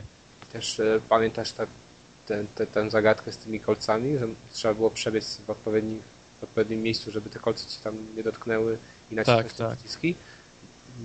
Tak, więc tego... też trzeba czasem właśnie jak gdyby wynajdywać naj, najlepszą drogę, czy, czy jedyną możliwą drogę po jakimś polu. Tak, ale my tam musieliśmy się właśnie konsultować, nie? że tak. jakby ruszać tym samym momencie i opracować drogę i się mówiliśmy, że na przykład Adam tą ścieżką biegnie, ja tą. Teraz bez headseta w przypadku tej zagadki to ciężko, bardzo ciężko by było ją rozegrać. Myśmy w ogóle jeszcze grali chyba z dwie godzinki. Tak, tak. Trochę gry mamy przed, przed nami, ale ja przynajmniej osobiście mogę powiedzieć, że chyba to jest jedna, znaczy na pewno to jest jedna z najlepszych gier na, na, na PSN w tym roku.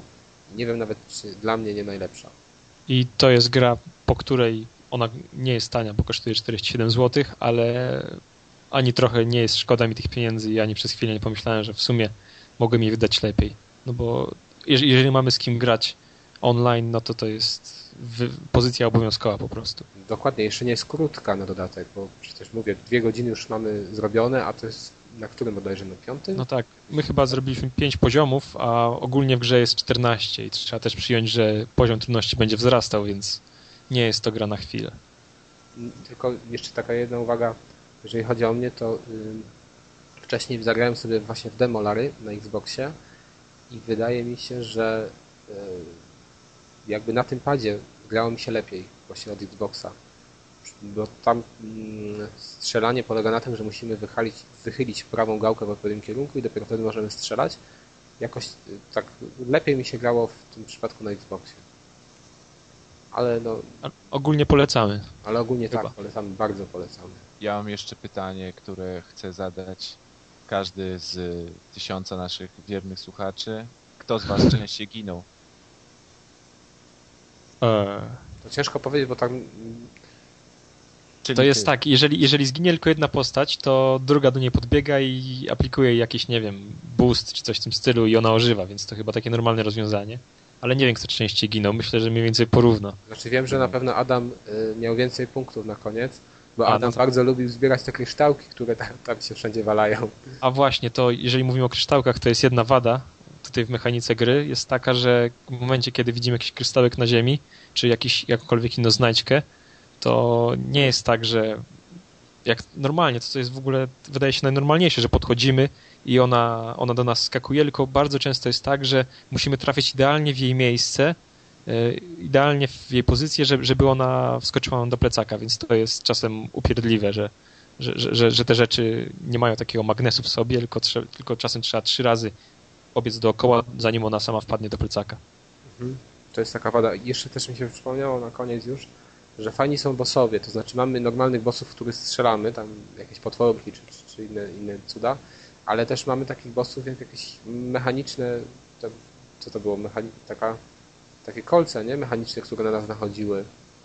I no tak, tak. To też właśnie do tego zmierzam, że trzeba było pokonać, że tego przeciwnika tylko się dało pokonać jakby mm, w momencie, gdy my ze sobą kooperujemy. Inaczej nie dałoby, nie dałoby rady, bo w przypadku normalnych przeciwników to, to strzelamy i tyle. A, a nie, tam też był taki chyba dinozaur, nie? który... Tak, tak, też była tak, trzeba którym, współpraca tak, dwóch. Jednak się pomyliłem, czyli tutaj też jednak współpraca jest potrzebna, więc... Nie no, ta gra jest, widać po prostu, że ona była projektowana pod kooperację. Nie wiem jak jest w singlu, ale wydaje mi się, że gra się dużo gorzej. Też mi się tak wydaje. W każdym razie ja, 20 minut. ja sądzę, że można to podsumować tak. Jeżeli, jeżeli macie z kim w to zagrać, to I macie headset. Macie headset, to nie ma, nie ma co się zastanawiać. A samemu dużo traci mimo wszystko? Dużo. Bo ja grałem triala godzinnego i samemu, jak grałem sam, też mi się bardzo podobało. Tak, bo to wiesz co, y, ja też grałem w demo i wydawało mi się to dosyć fajne, ale dużo jeszcze, jeszcze więcej zyskała ta gra, y, jak myśmy grali razem. Aha. Tak.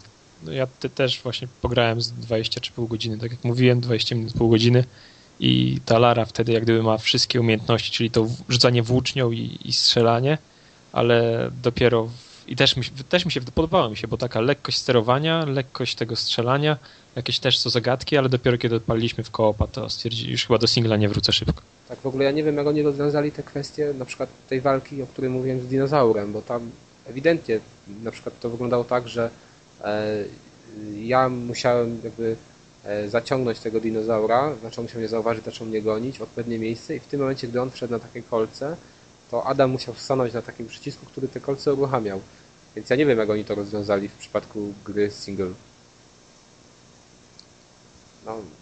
No, Ale to chyba wszystko na, o tej grze, tak? tak no, Polecamy polecamy. jeszcze raz. Na, na pewno, jeżeli ktoś ma z kim grać, to brać, kupować od razu. Dobra, to jeszcze powiedz mi, Adam, jeszcze masz jakąś grę, tak?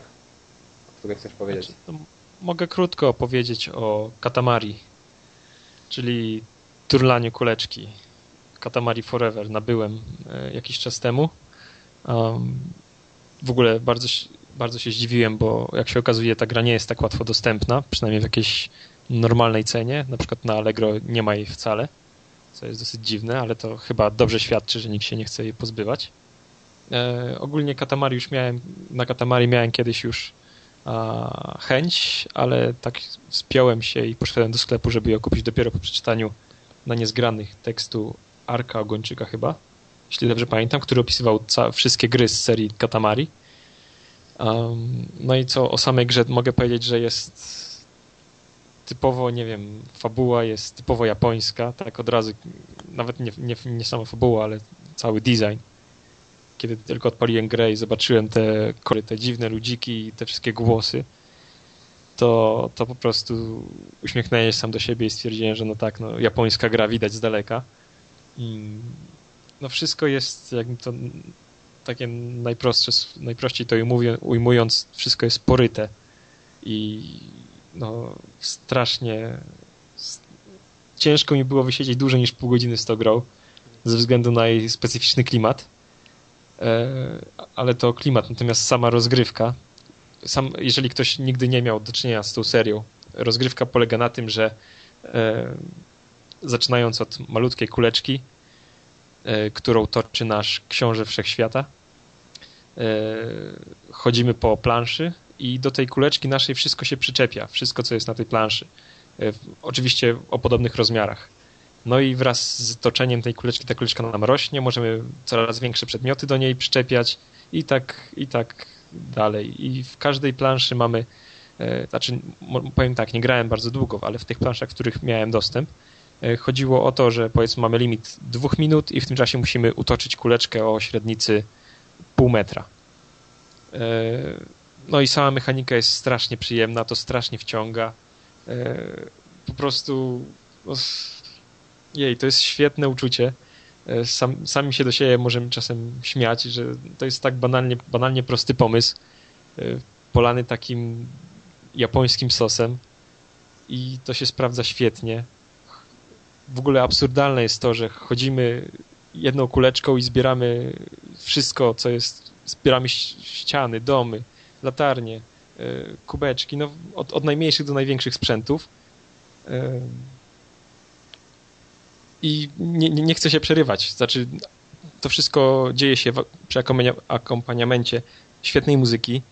E, plansze nie są długie, ale na ich, na ich koniec dostajemy, dostajemy mm, jak gdyby jesteśmy oceniani w zależności od tego, jaka jest różnorodność naszej kuleczki, składu naszej kuleczki i jaka jest jej wielkość. No i chce się pokazać temu królowi wszechświata, który nas ocenia i który rzuca komentarze w stylu no nie wiem, czy w ogóle nie wiem, nie zauważyłem tej kuleczki, jest zbyt mała, żebym mógł ją zauważyć, więc chcemy odpalić jeszcze raz samą planszę i, i pokazać mu, że jednak jesteśmy lepsi niż to, co, że potrafimy zrobić to lepiej. E, no, po, jednym słowem polecam, polecam na pewno, chociaż yy, mi ze względu na specyficzny klimat i mnóstwo barw i mnóstwo strasznie dużo dzieje się na ekranie, strasznie dużo dźwięków, więc ze względu na to wszystko trochę czułem po, po pół godzinie grania czułem przesyt, musiałem sobie zrobić przerwę, ale jest to świetna gra, żeby sobie, na pewno, żeby ją sobie odpalić na chwilę, pograć i wrócić do niej za jakiś czas. Powiedz, czy ktoś, kto nie lubi japońskich klimatów, w ogóle może się o to brać, czy nie? Ja, ja osobiście lubię, ale...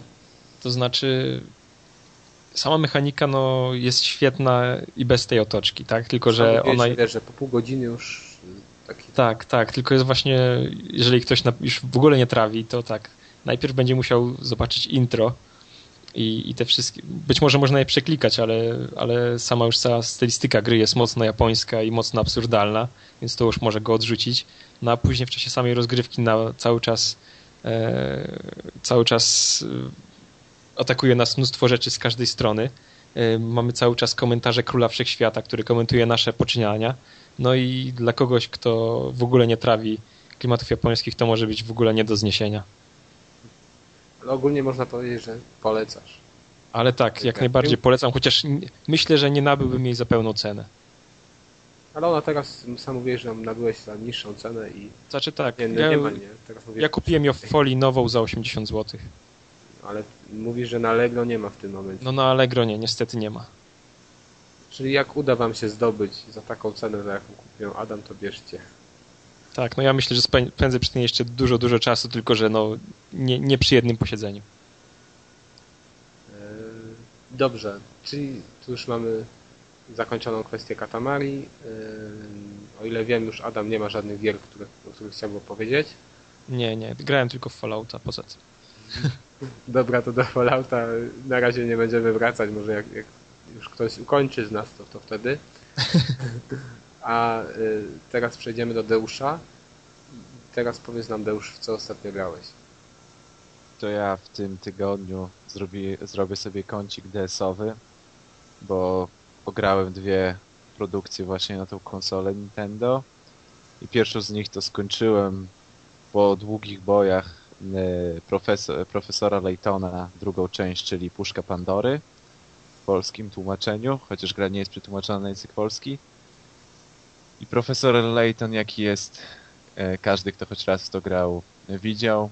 Jest to taka kla klasyczna przygodówka, w której posuwamy fabułę do przodu, rozwiązując najróżniejsze zagadki. I tych zagadek jest naprawdę sporo. To nie jest tak, że mamy jedną zagadkę co kilka minut, tylko to po prostu na każdym kroku musimy rozwiązywać e, najróżniejsze zagadki, bo w całej grze jest grubo ponad 150 zagadek Gra jest świetna. Fabuła, jak to w profesoru, jak to no, w tej serii bywa, zawiera wiele takich twistów. Wszystko przez całą grę się nawarstwia, nawarstwia, nawarstwia. Kolejne zagadki, jakieś e, przyploty fabu, e, nowe jakieś poszlaki odkrywamy, by w końcu w ostatniej godzinie gry wszystko się wyjaśniło. I są to jak zwykle wyjaśnienia które no, na, pewno, na pewno nikt się nie domyślał, o co, o co w nich mogło chodzić. E, fabuła ogólnie polega na, polega na tym, że za pro, profesora Laytona jego młodego adepta zaprasza doktor Schrader, czyli przyjaciel Laytona, który odnalazł puszkę Pandory i który ma dla profesora Laytona coś ważnego do przekazania. Jednak kiedy próbują się spotkać bohaterowie, okazuje się, że E, Doktor Schrader został porwany i profesor Layton wraz z Luke'iem e, rusza na poszukiwania e, właśnie swojego przyjaciela i w trakcie tych poszukiwań poznaje masę nowych, nowych postaci, masę nowych lokacji, przy tym musi rozwiązać właśnie setki zagadek. I jest to taki typowy sequel pierwszej części, czyli wszystkiego mamy więcej więcej jest lokacji, są dużo bardziej rozbudowane. Teraz już nie mamy jednego miasta, a kilka miast. E, mamy do tego jeszcze pociąg. E, jest zdecydowanie więcej postaci, więcej dialogów, więcej scenek przerywnikowych, sama gra jest dłuższa. No i po prostu warto zagrać, jeśli ktoś lubi klimaty, bo gra jest e, bardzo baśniowa. E, postacie e, są narysowane bardzo fajną kreską. Nastrojowa muzyka, cały klimat bardzo polecam. A drugą grą na DS-a. Mam jedno pytanie. A. To też tak wygląda jak w przypadku pierwszej części, że podchodzisz do jakiejś osoby i i, i zaczyna z nią rozmowę i ona na to, że tam przekaże ci powiedzmy jakąś tam podpowiedź, czy, czy jakiś przedmiot, jeżeli rozwiąże zagadkę. Tak, tak, jest dokładnie tak samo. Czyli na przykład podchodzimy do kucharza, chcemy z nim porozmawiać, a kucharz mówi, że nie może nam odpowiedzieć, bo jest tak roztrzęsiony i przejęty pewną zagadką i dopiero z nami porozmawia, kiedy my rozwiążemy tą zagadkę. Albo idzie właśnie profesor Layton ze swoim towarzyszem chodnikiem, patrzą studzienka, kliknie się na tą studzienkę. Patrz, Luke, studzienka. A propos studzienki, mam taką śmieszną zagadkę i wchodzi zagadka. Dlatego zagadki to dosłownie co 15 sekund musimy rozwiązywać, ale jak ktoś już miał styczność z tą serią, to sobie poradzi, bo zagadki dość często się powtarzają i są już pisane w podobnym klimacie, dlatego nie ma większych trudności z rozwiązywaniem zagadek. Ale to czy możesz powiedzieć, że jeżeli ktoś grał w jedynkę, to tutaj się może poczuć lekko znużony tą konwencją?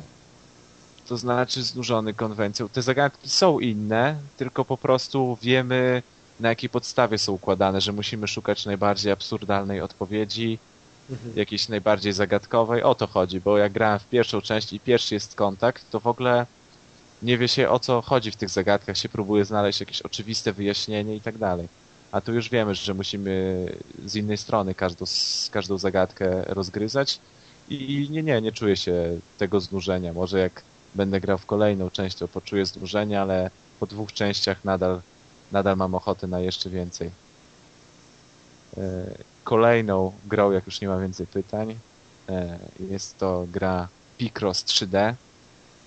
Jest to gra logiczna, w której się zakochałem, a nie lubię gier logicznych mechanika polega na tym, że mamy sześcian prostopadłościan złożony z kilkudziesięciu małych kwadracików. I nasze zada e, naszym zadanie, nasze zadanie polega na tym, żeby e, wyrzeźbić, wyrzeźbić jakiś obrazek, jakąś, jakąś rzeźbę właśnie z tego sześcianu.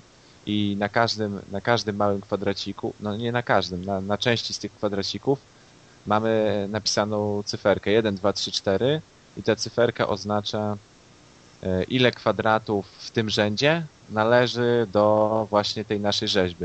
I naszym zadaniem jest po prostu usuwać te niepotrzebne kwadraciki e, i, odgad- i właśnie aż, aż, aż uzyskamy tą rzeźbę. E, poziom w dalszy, od połowy gry, poziom jest naprawdę bardzo wysoki i nad niektórymi zagadkami trzeba spędzić naprawdę sporo czasu bo możemy pomylić się tylko pięć razy.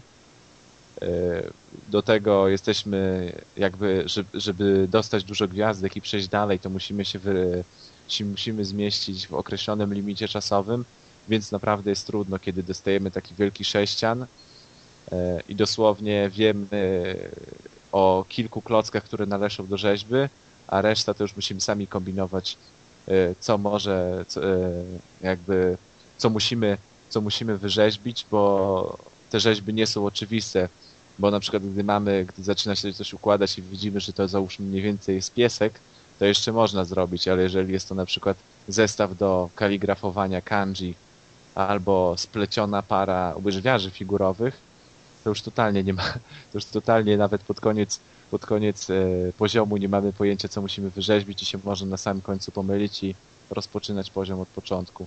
Ale to tak jak to jest jedna z tych gier, które tak pozytywnie, pozytywnie irytują. Jeżeli ktoś się lubi pomęczyć, to naprawdę polecam. Dobrze, jakieś pytania? Mogę się zapytać coś nie do końca związanego z grami, o którym mówiłeś, ale jako posiadacz DS-a, yy, czy proponowałbyś mi, gdybym chciał nabyć, żebym kupił DS Lite, DSi, czy poczekać na 3DS? Jeśli w ogóle nie grałeś na DS-ie, to jest, w ogóle to jest masa gier i tak naprawdę można przez dobre następne 2-3 lata nadrabiać sobie całą bibliotekę, szczególnie, że te gry teraz staniały i na Allegro e, jest masa świetnych przygodówek do ogrania, więc ja zdecydowanie polecam kupno. Ale Znaczy- DS Lite czy DSi? To znaczy ja mam DSi, ale jedyna gra, która jakby jest tylko na DSi, to mam e, WarioWare, e, taka edycja, która pseudokinektowa, czyli odczytuje moje ruchy z kamerki i mam takie minigierki, że muszę załóżmy łapać monetki, wycierać szyby i tak dalej. I to jest tylko ta jedna gra, która wykorzystuje kamerki, a tak w ogóle to więcej nic nie mam, więc jakby miał polecać kupno, to jednak chyba DS Lite, bo jest, jest tańszy, a praktycznie niczym się nie różni. Ja jeszcze coś powiem, bo Adam zadał takie pytanie. Ja na twoim miejscu nie kupowałbym teraz DS-a. Z tego względu, że no, wychodzi wkrótce ten 3DS. Nie wiem, cena DS-a pewnie nadal oscyluje w granicach 500 zł. Przynajmniej tego Lite. To ja bym poczekał, bo ten nowy DS ma mieć podobno właśnie kompatybilność wsteczną z pierwszym DS-em. A jeżeli chodzi jeszcze o... y, Jeżeli już byś chciał kupić, to tak już wiesz, na teraz, to ja bym chyba nie wziął tego DS, to jest DSi, tak? Który Madeusz. Z tego względu, że on nie ma tam slotu na gry z Game Boya, Game Boy Advance. A dla mnie przynajmniej to jest duża zaleta, że mogę sobie w te tytuły pograć, bo naprawdę fajne gry wychodziły na, tę konsol, na tę konsolkę i no przynajmniej dla mnie to jest duża wada DSi, że nie posiada takiego portu. Okej, to tylko taki mały off-top, dzięki. Dobrze, czyli y, tutaj Deusz nam przedstawił teraz y, swoje gry, nic więcej do dodania chyba nie ma. No nie słyszę. To przejdziemy teraz do mnie. E, Ja oprócz tego, że grałem z Adamem w Lara Croft, y, zacząłem też grać w Demon Souls, o którym krótko, bo, bo grałem w jakieś, jakieś dwie godziny. Czego zacznę? Może od tego, że gra ma naprawdę świetny klimat. E, Jeżeli ktoś nie wie, to jest takie mroczne dark fantasy E, i e, z tym klimatem bardzo się zdziwiłem, ale współgra jednak grafika, która też jest niezła, mimo tego, że gra powstała już chyba ponad rok temu i, i, ją takie studio dosyć mało znane chyba, to, to jednak poziom graficzny jest naprawdę dobry. E, I jedyna taka wada, jeżeli chodzi o grafikę, to moim zdaniem jest taka, że w momencie, gdy my zabijamy przeciwników, e, oni, te ciała przeciwników jakby nie znikają, ale e, stają się takimi kukłami bezwładnymi. Gdy podejdziemy do tego przeciwnika, my przesuwamy jakby go, ale on się zachowuje zupełnie jak kukła, która by ważyła, ja nie wiem, z 2 kg, a, nie jak ciało prawdziwego przeciwnika, który powiedzmy waży tam z 70 czy 100. Taka jedna wada. Czym jest ta gra? No, no gra jest y, action RPG-iem e, i podstawowa cecha tej gry chyba to, to jest taka, że jest to tytuł bardzo wymagający. Ja pograłem, tak jak mówiłem wcześniej, dwie godziny i zdarzyło mi się zginąć już parę razy i mocno się zdziwiłem, gdy właśnie zaczynam grę, no siekam sobie jak, jak normalne ludki, e, normalne postaci, nagle dochodzę do jakiegoś tam mm, troszeczkę mocniejszego rycerza, e, dwa ciosy, padam, nie żyje. Myślę sobie, a fajnie, dobra, to zaraz pewnie mnie, mnie, mnie respawnuje e, chwilę przed tą walką. A tu się okazuje, że respawn następuje od samego początku całego poziomu. I znowu muszę się przedzierać przez te hordy tych przeciwników, aż do tego rycerza i znowu dostaję dwa ciosy i znowu leżę. I tak chyba trzy razy z rzędu podchodziłem. Do tej pory nie udało mi się tego przejść. E, aczkolwiek e, no, gra mnie w ogóle nie znudziła. Na razie jeszcze nie zirytowała i cały czas e, można powiedzieć mnie ciągnie do tego, żeby, żeby grać w to dalej. E, no i to jest taki chyba duży plus. A tak mm, muzyka też jest bardzo fajna. Właśnie mam to, to, to, tę edycję Black Phantom Edition, której dostałem razem z grą soundtrack i poradnik. I e, plus jeszcze artbook. E, No i czyli można podsumować tak, grafika fajna, muzyka fajna, klimat e, świetny, poziom trudności wysoki, jak ktoś lubi RPG, to ja już mogę powiedzieć, że, że mu tę grę szczerze polecam. Na pewno go zirytuje, ale ja przynajmniej, mimo tego, że już na samym początku ginę wiele razy, to cały czas mam ochotę w nią dalej grać. A to tyle może o Demon Souls, jak przejdę, czy, czy, czy zajdę trochę dalej, jeżeli przejdę, bo nie wiem, to, to jeszcze coś więcej powiem. Y, No, tylko dodam od ciebie, że tak właściwie opowiadasz, muszę, muszę odkurzyć sobie, sobie ten tytuł, bo pograłem też kilka godzin i odstawiłem na półkę, a, a naprawdę warto zagrać. Ale podobał mi się generalnie tak. Tak, no, no jak, jak najbardziej, tylko to jest czysty hardcore po prostu, taka staroszkolna gra, czyli e, zero save'ów nawet, nawet w menu tutaj. O, właśnie, nawet pauzy nie ma. Jak się, jeżeli Tak. wejdziemy do menu, po prostu musimy najpierw wytłuc wszystkich przeciwników w okolicy, bo inaczej oni zatłuką nas. Jak będziemy na przykład chcieli zmienić jakieś ustawienia. Nawet najprostsza, tylko dodam jeszcze, nawet podstawowy jakiś tam przeciwnik z początku gry jest w stanie nas rozwalić bez najmniejszego problemu. Mm, Dokładnie, ale później już się wiesz, za, zapamiętujesz nie? ich ruchy. Tak. Jak trze, trzeci raz szedłem, już do tego tam kolesia, który mnie załatwia cały czas, to, to no, siekałem ich jak mięso, nie? No, bo mimo wszystko, że tak, bo za, zawsze wiadomo, zaczynasz od, od, zaczyna się jakby od tego samego e, momentu i postacie w tym samym miejscu stoją. E, ale każde razowe przejście daje dra, dodatkowy dreszczyk emocji. Tak, i tam na przykład jeszcze są takie pułapki, że, że oprócz tego, że, że możemy walczyć z przeciwnikiem, czasem możemy wpaść w jakąś dziurę i koniec. I znowu zaczynamy od początku. No ale to taki chyba urok jest tej gry. I, i, no, ja mówię, mnie ciągnie, żeby, żeby dalej w to grać. E, kolejnym tytułem, w który grałem jest Vanquish. I em, czym jest Vanquish? No Vanquish jest taką strzelaniną, ale Gears of War na dopalaczu. E, mm, charakteryzuje się tym, że po prostu jest szybkość jakby dużo większa. I może tak na początku o fabule, która no mamy Amerykanów, którzy są dobrzy i jak myślicie, kto jest zły? Rosjanie. No, oczywiście, że Rosjanie.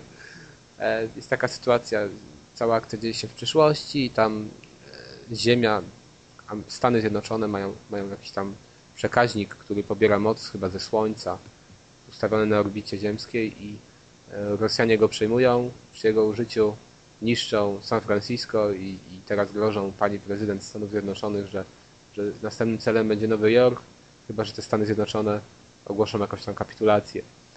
No i y, Ameryka oczywiście na to nie godzi wysyła tam swoich żołnierzy. E, Dodatkowo nasz tutaj bohater dostaje taką misję, żeby uratować jakiegoś tam profesora e, z rąk tych Rosjan, którzy się znajdują na tej, na tej, na tej stacji. No i wylatujemy.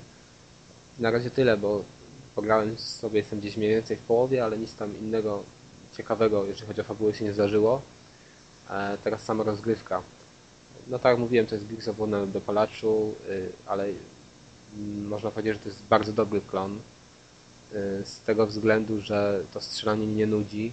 E, Mnie bardzo podoba się taki, taki patent, że no chociażby po Modern o którym mówiliśmy ostatnio chyba, gdzie mm, przeciwnicy non-stop się respawnują i, i, i do, do, do momentu, do którego, znaczy jeżeli nie dojdziemy do jakiegoś tam punktu, to, to oni cały czas się będą respawnować do nas biec.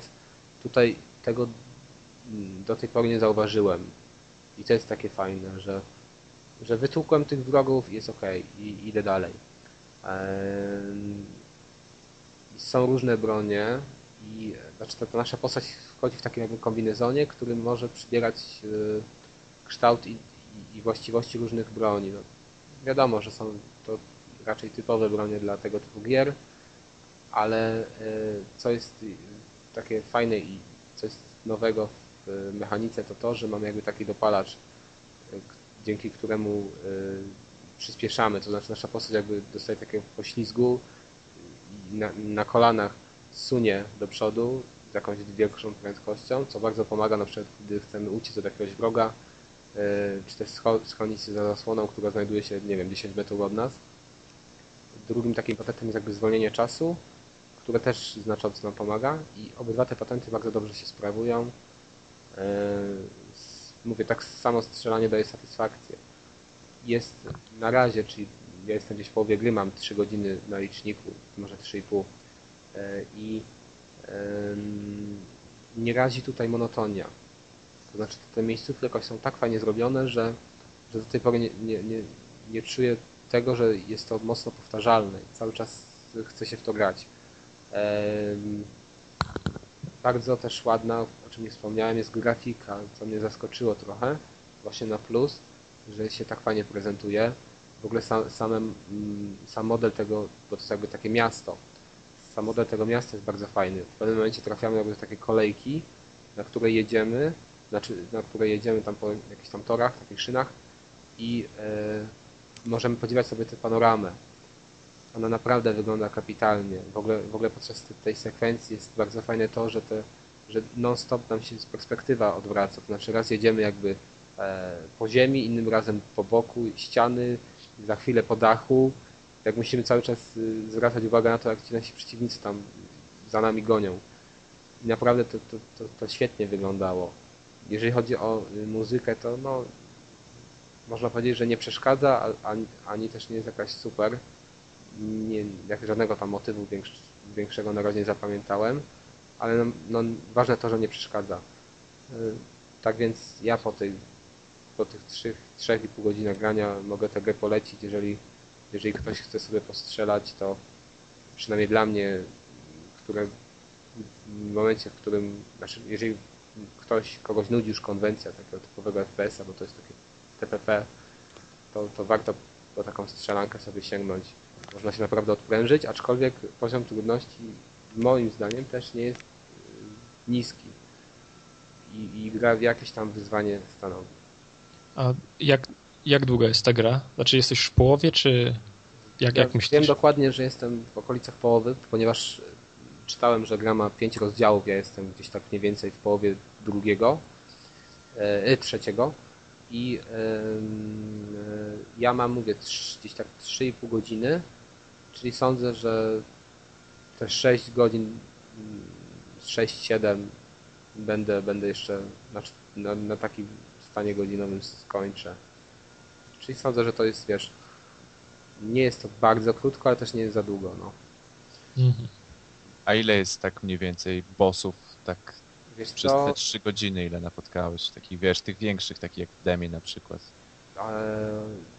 Co ciekawe, właśnie demo to jest początek gry. Czyli ten, ten boss jest pierwszym bossem i e, później chyba miałem łącznie czterech. W tym e, jednym z tych bossów, właściwie, właściwie jednymi z tych bossów byli, znaczy to jest tak, że te, te, ten boss to był robot, nie? W tym, w tym, w tym pierwszym pojedynku w demie i później dostajemy taką samą walkę, tylko że mamy dwa te roboty przeciwko sobie.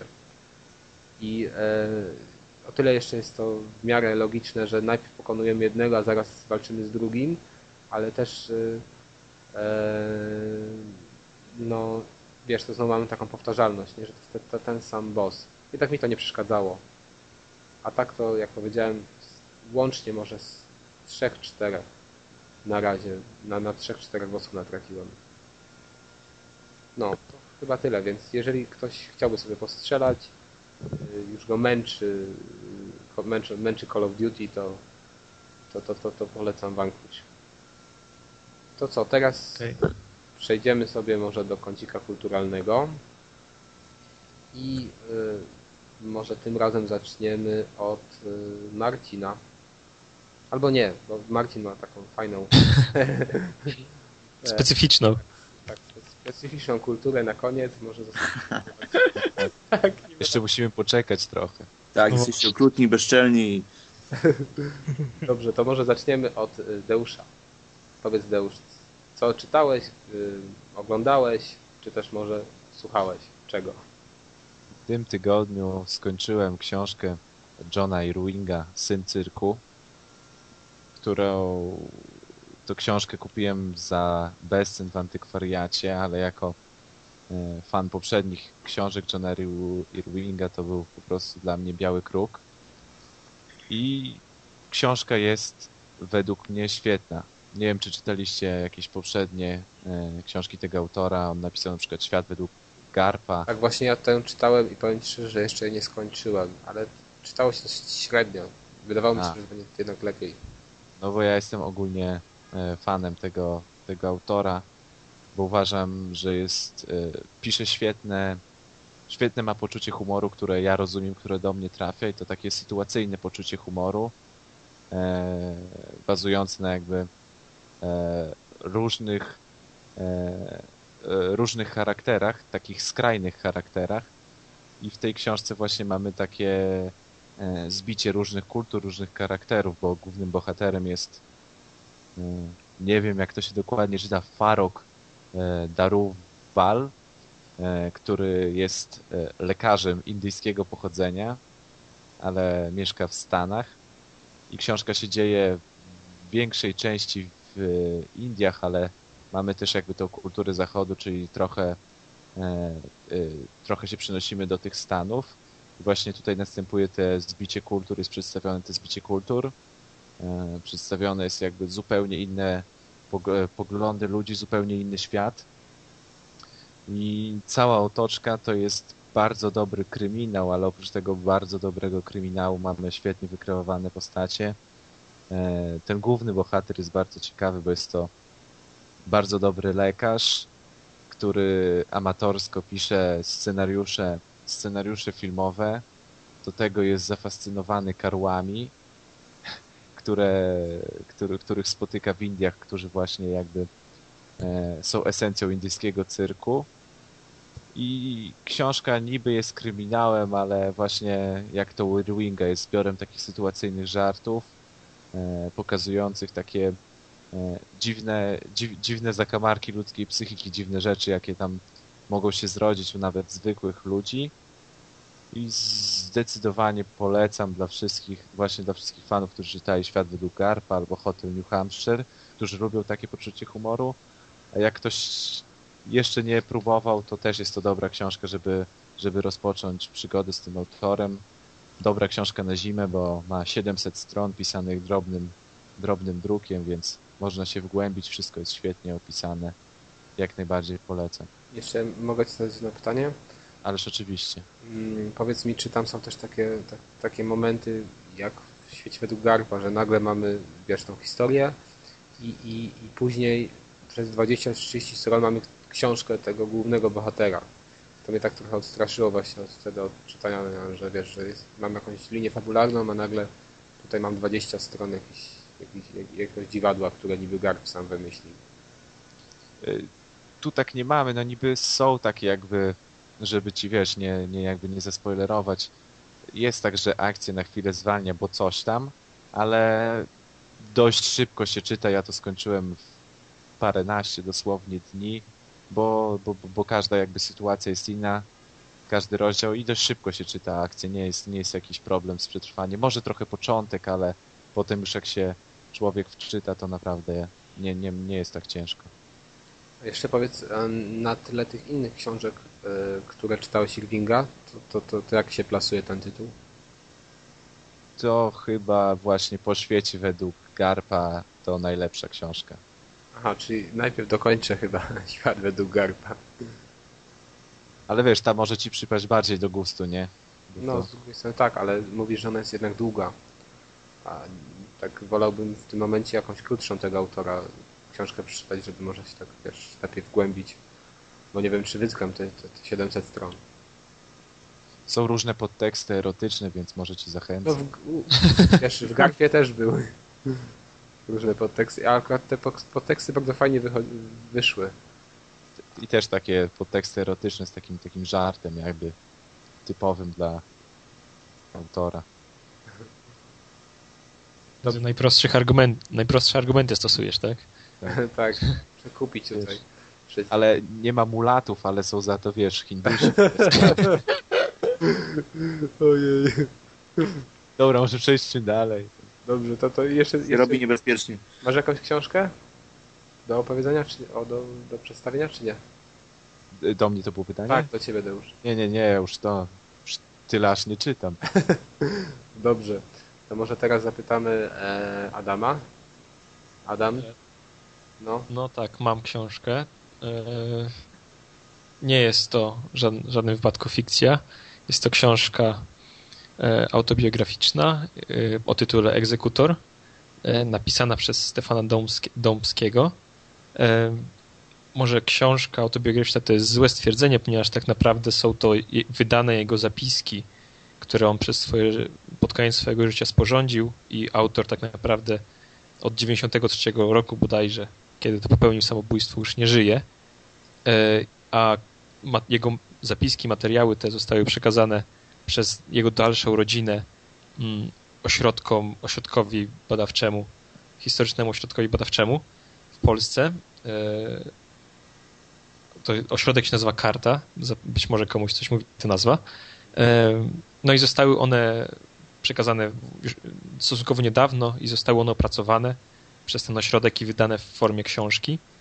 Um, opowiada ona, to jest autor książki, opisuje w niej swoje, swoje życie w czasie wojny, II wojny światowej. E, on należał do konspiracji, do Armii Krajowej i w ramach, w ramach jego działalności była, e, była egzekucja e, różnych osób w stylu konfidentów, ludzi współpracujących z Niemcami, a także w epizodzie, jako że działał on na wschodzie, w, w epizodzie było tak, że tutaj walka z, z, z Ukraińcami. No i zapiski te no, są dosyć ciężko, są dosyć mroczne.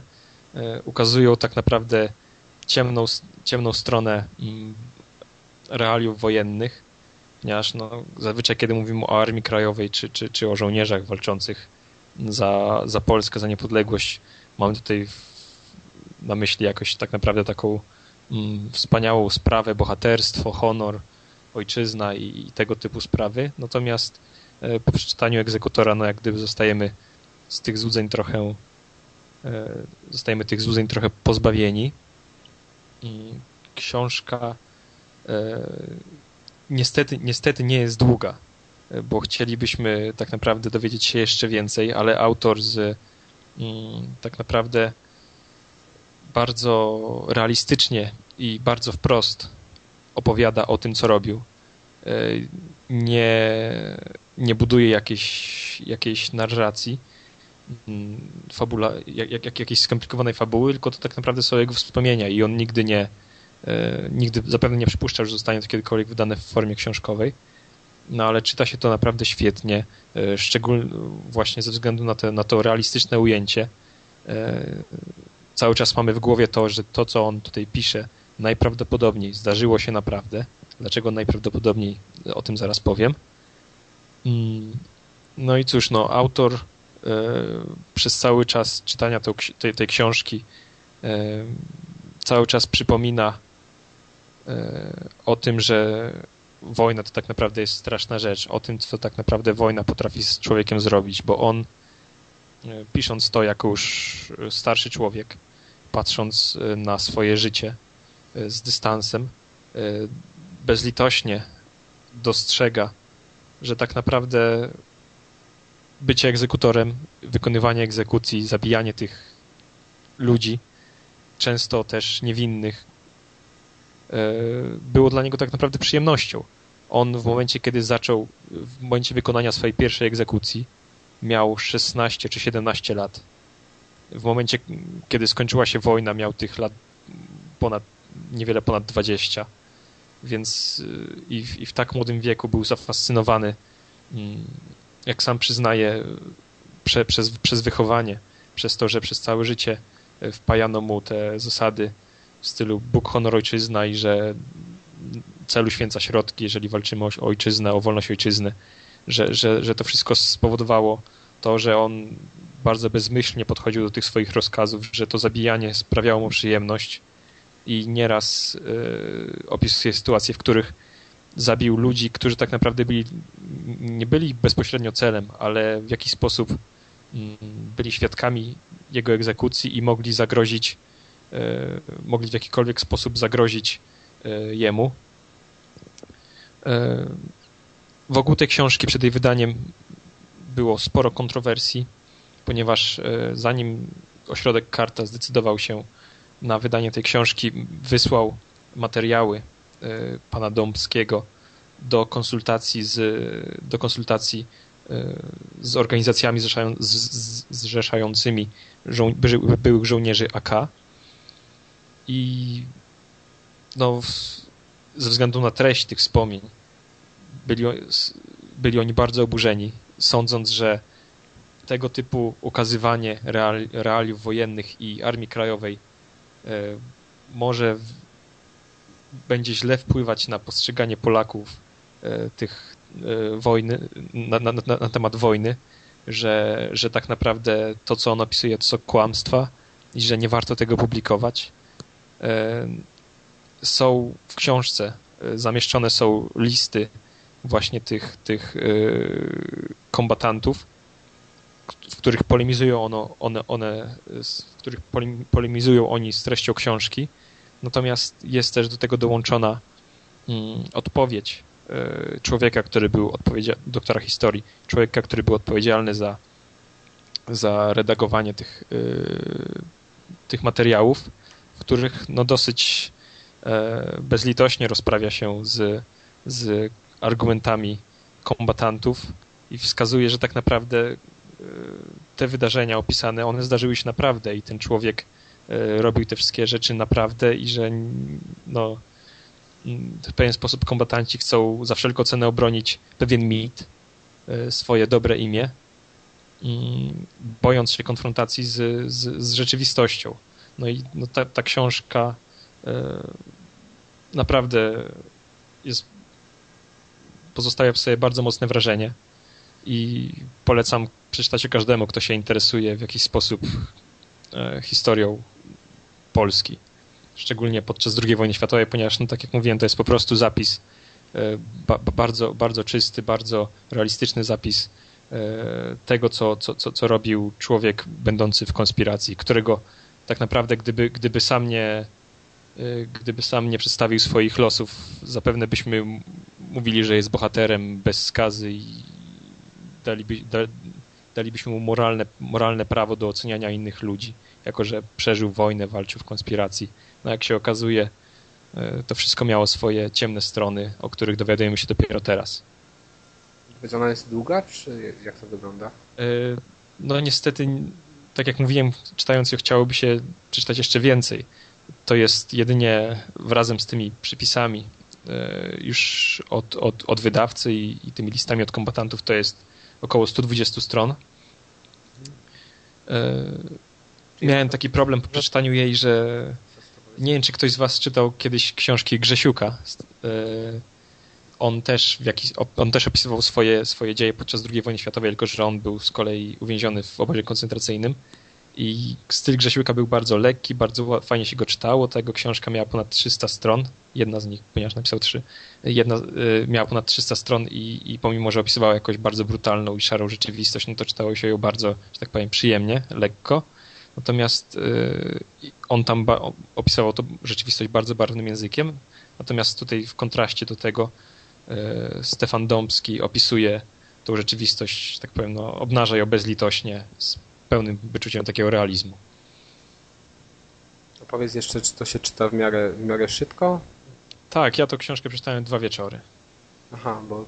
Tylko momencie... no ja ogólnie szybko czytam, więc hmm, powiedzmy w ciągu tygodnia spokojnie. Właśnie powiem Ci szczerze, że, że, że prędzej właśnie sięgnę, sięgnę teraz po taką książkę, która ma mniej stron i ktoś mi ją poleca, niż po taką tysiąc, książkę, która ma tysiąc stron. No tak, tylko no... Czasowych właśnie. Aha. Tak. Tylko tak jak mówiłem, no nie jest, to, nie jest to jakaś książka fabularna, to jest po prostu zapis pewnych wspomnień i przemyśleń tego autora, więc nie, nie oczekuj e, jakiejś e, fabuły. Nie, no jasne. Powiedz jeszcze, mm, chciałbyś jeszcze coś nam dzisiaj przedstawić? Nie, nie, myślę, że i tak się rozgadałem na temat tej książki za dużo już. E, dobrze, to może teraz pytam Mateusza. Yy, ja, ja teraz za bardzo nie mam o czym powiedzieć, ponieważ miałem, miałem opowiedzieć o krwawym południku yy, Cormaca McCarthy'ego, ale, ale ostatnio miałem yy, dosyć mało czasu na czytanie. Nie udało mi się do końca przeczytać, także jeśli za tydzień będę, to, to może wtedy powiem. Bo to już na pewno zdążę. Okej. Okay. To tak jak mówiłem, szelaka sobie zostawiamy na deser ja teraz chciałem powiedzieć o książce, którą e, skończyłem w piątek. Jest to książka Powiedział mi wróżbita autorstwa Tiziano Terzaniego. E, przeczytałem ją ze względu na to z polecenia, to znaczy na Fantasmagierii Doktor Judym, jeżeli ktoś słucha też taki podcast o grach wideo. On polecał właśnie książki tego autora. Ja sięgnąłem sobie po jedną z nich. Od razu tak powiem, że tłumaczył to e, człowiek odpowiedzialny za obieży świata i Bilbo Bagosza, czyli za tłumaczenie władcy, nieciekawe, powiem szczerze, tłumaczenie Władcy Pierścieni, czyli mm, Jerzy Łoziński.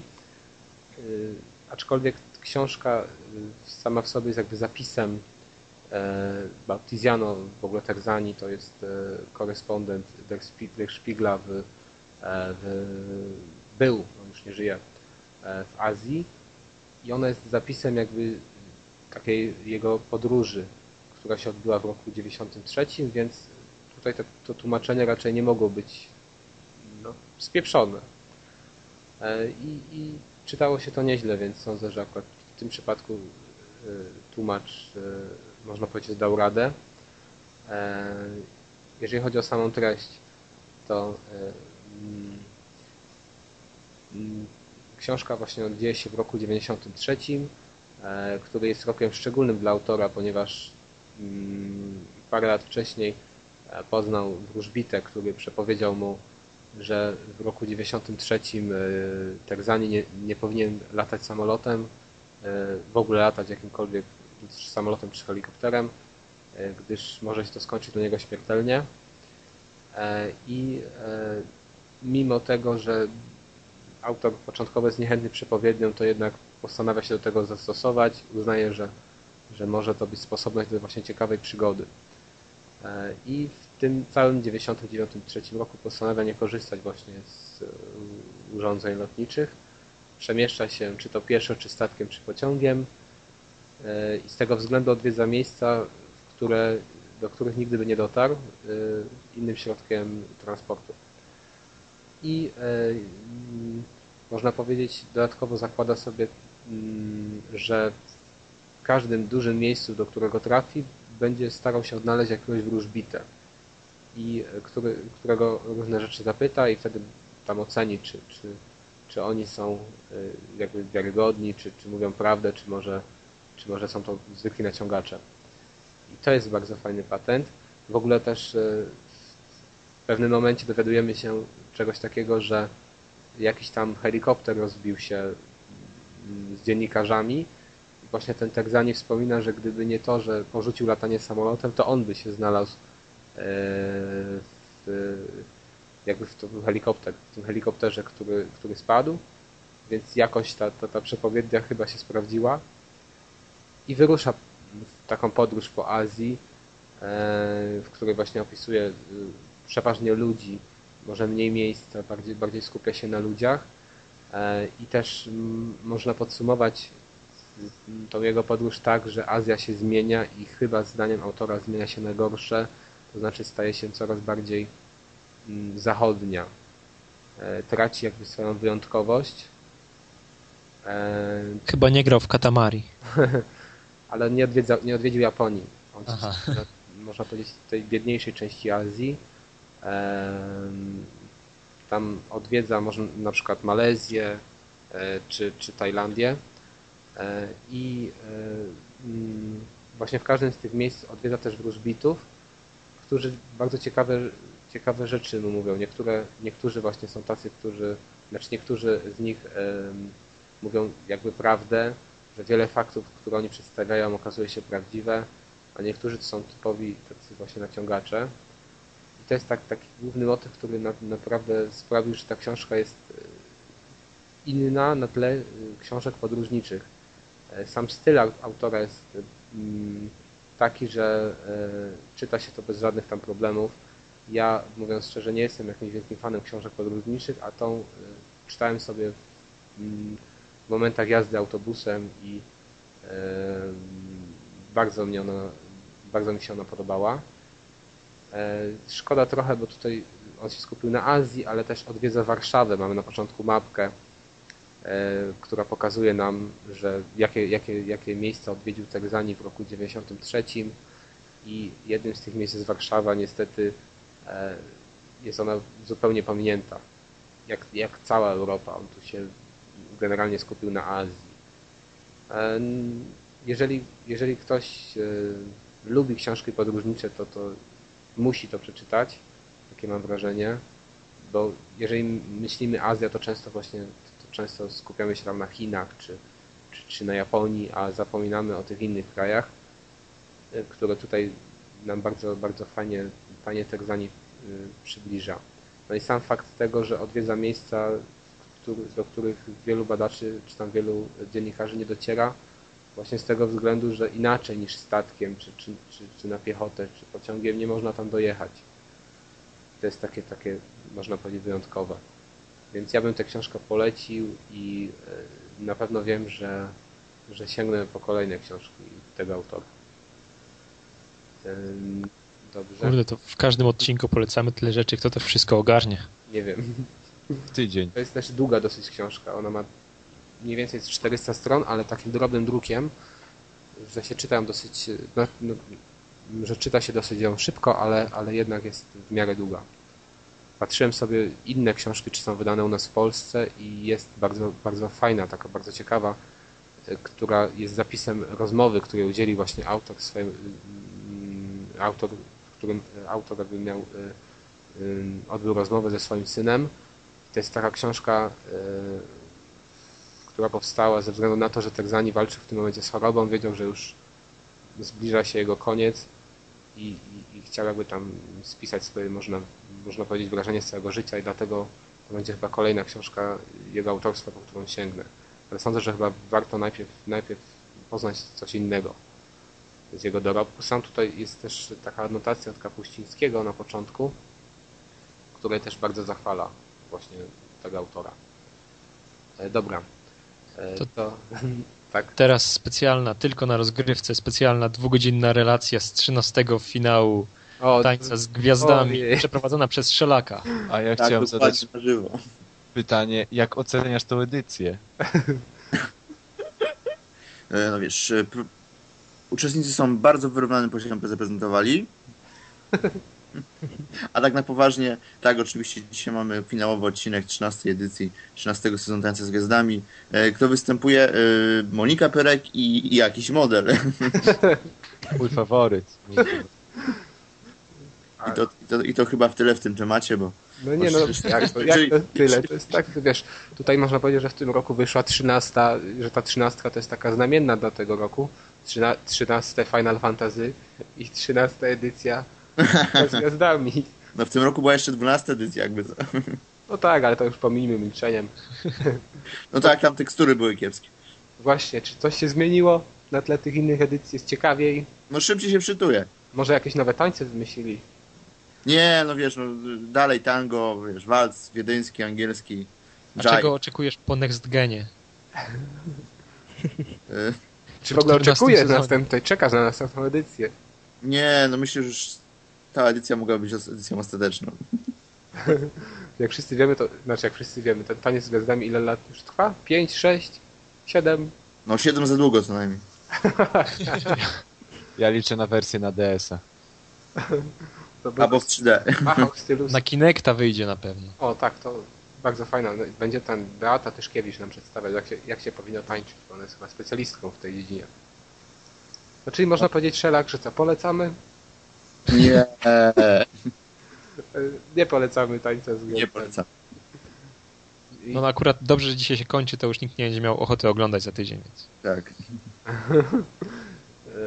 Ja sądzę, że tutaj... Za tydzień 14 edycja. Tak, za tydzień za tydzień nam Szelak przekaże, kto wygrał, czy, czy... A właśnie, Tak, tak obiecuję, jak najbardziej. czyli nie musicie już oglądać dzisiejszego odcinka, dowiecie się z rozgrywki. Ja też nie muszę. Tak, nie no, Szelak, ty, tobie by wypadało, nie? No dobra. Ja, jako, jako wiegnemu fanowi. Tak. E, jeszcze może chciałbyś o czymś tam powiedzieć, czy nie? Ja? Tak. Nie, no już na, wystarczy się nacierpię na, cały, na całą noc. Okej. Relacje z gwiazdami. I na tym chyba będziemy kończyć. E, Mam nadzieję, że spotkamy się w przyszłym tygodniu. E, Liczymy, liczymy na, na, na Wasze komentarze i może jakąś tam dyskusję. E, I do zobaczenia za tydzień. Na razie. W razie. Na razie, Na cześć. razie. Cześć, cześć. A teraz na sam koniec pozdrowienia dla jednego z redaktorów. W tym tygodniu są to pozdrowienia dla największego optymista w całym podcaście Niezgranych. Jest to osoba, która potrafi przekonać wszystkich do wszystkiego i na życie patrzy z optymizmem, a piosenka dla niego brzmi Always look on the bright side of life. Always look on the bright side of life. Always look on the light side of life. If life seems jolly rotten, there's something you've forgotten, and that's to laugh and smile and dance and sing. When you're feeling in the dumps, don't be silly chumps. Just purse your lips and whistle, that's the thing. And always look on the bright side of life. Come on. Always look on the right side of life. For life is quite absurd, and death's the final word. You must always face the curtain with a bow. Forget about your scene, give the audience a grin. Enjoy it, it's your last chance anyhow. So always look on the bright side of death. Just before you draw your terminal breath. Life's a piece of shit when you look at it. Life's a laugh and death's a joke, it's true. You'll see it's all a show, keep 'em laughing as you go. Just remember that the last laugh is on you. And always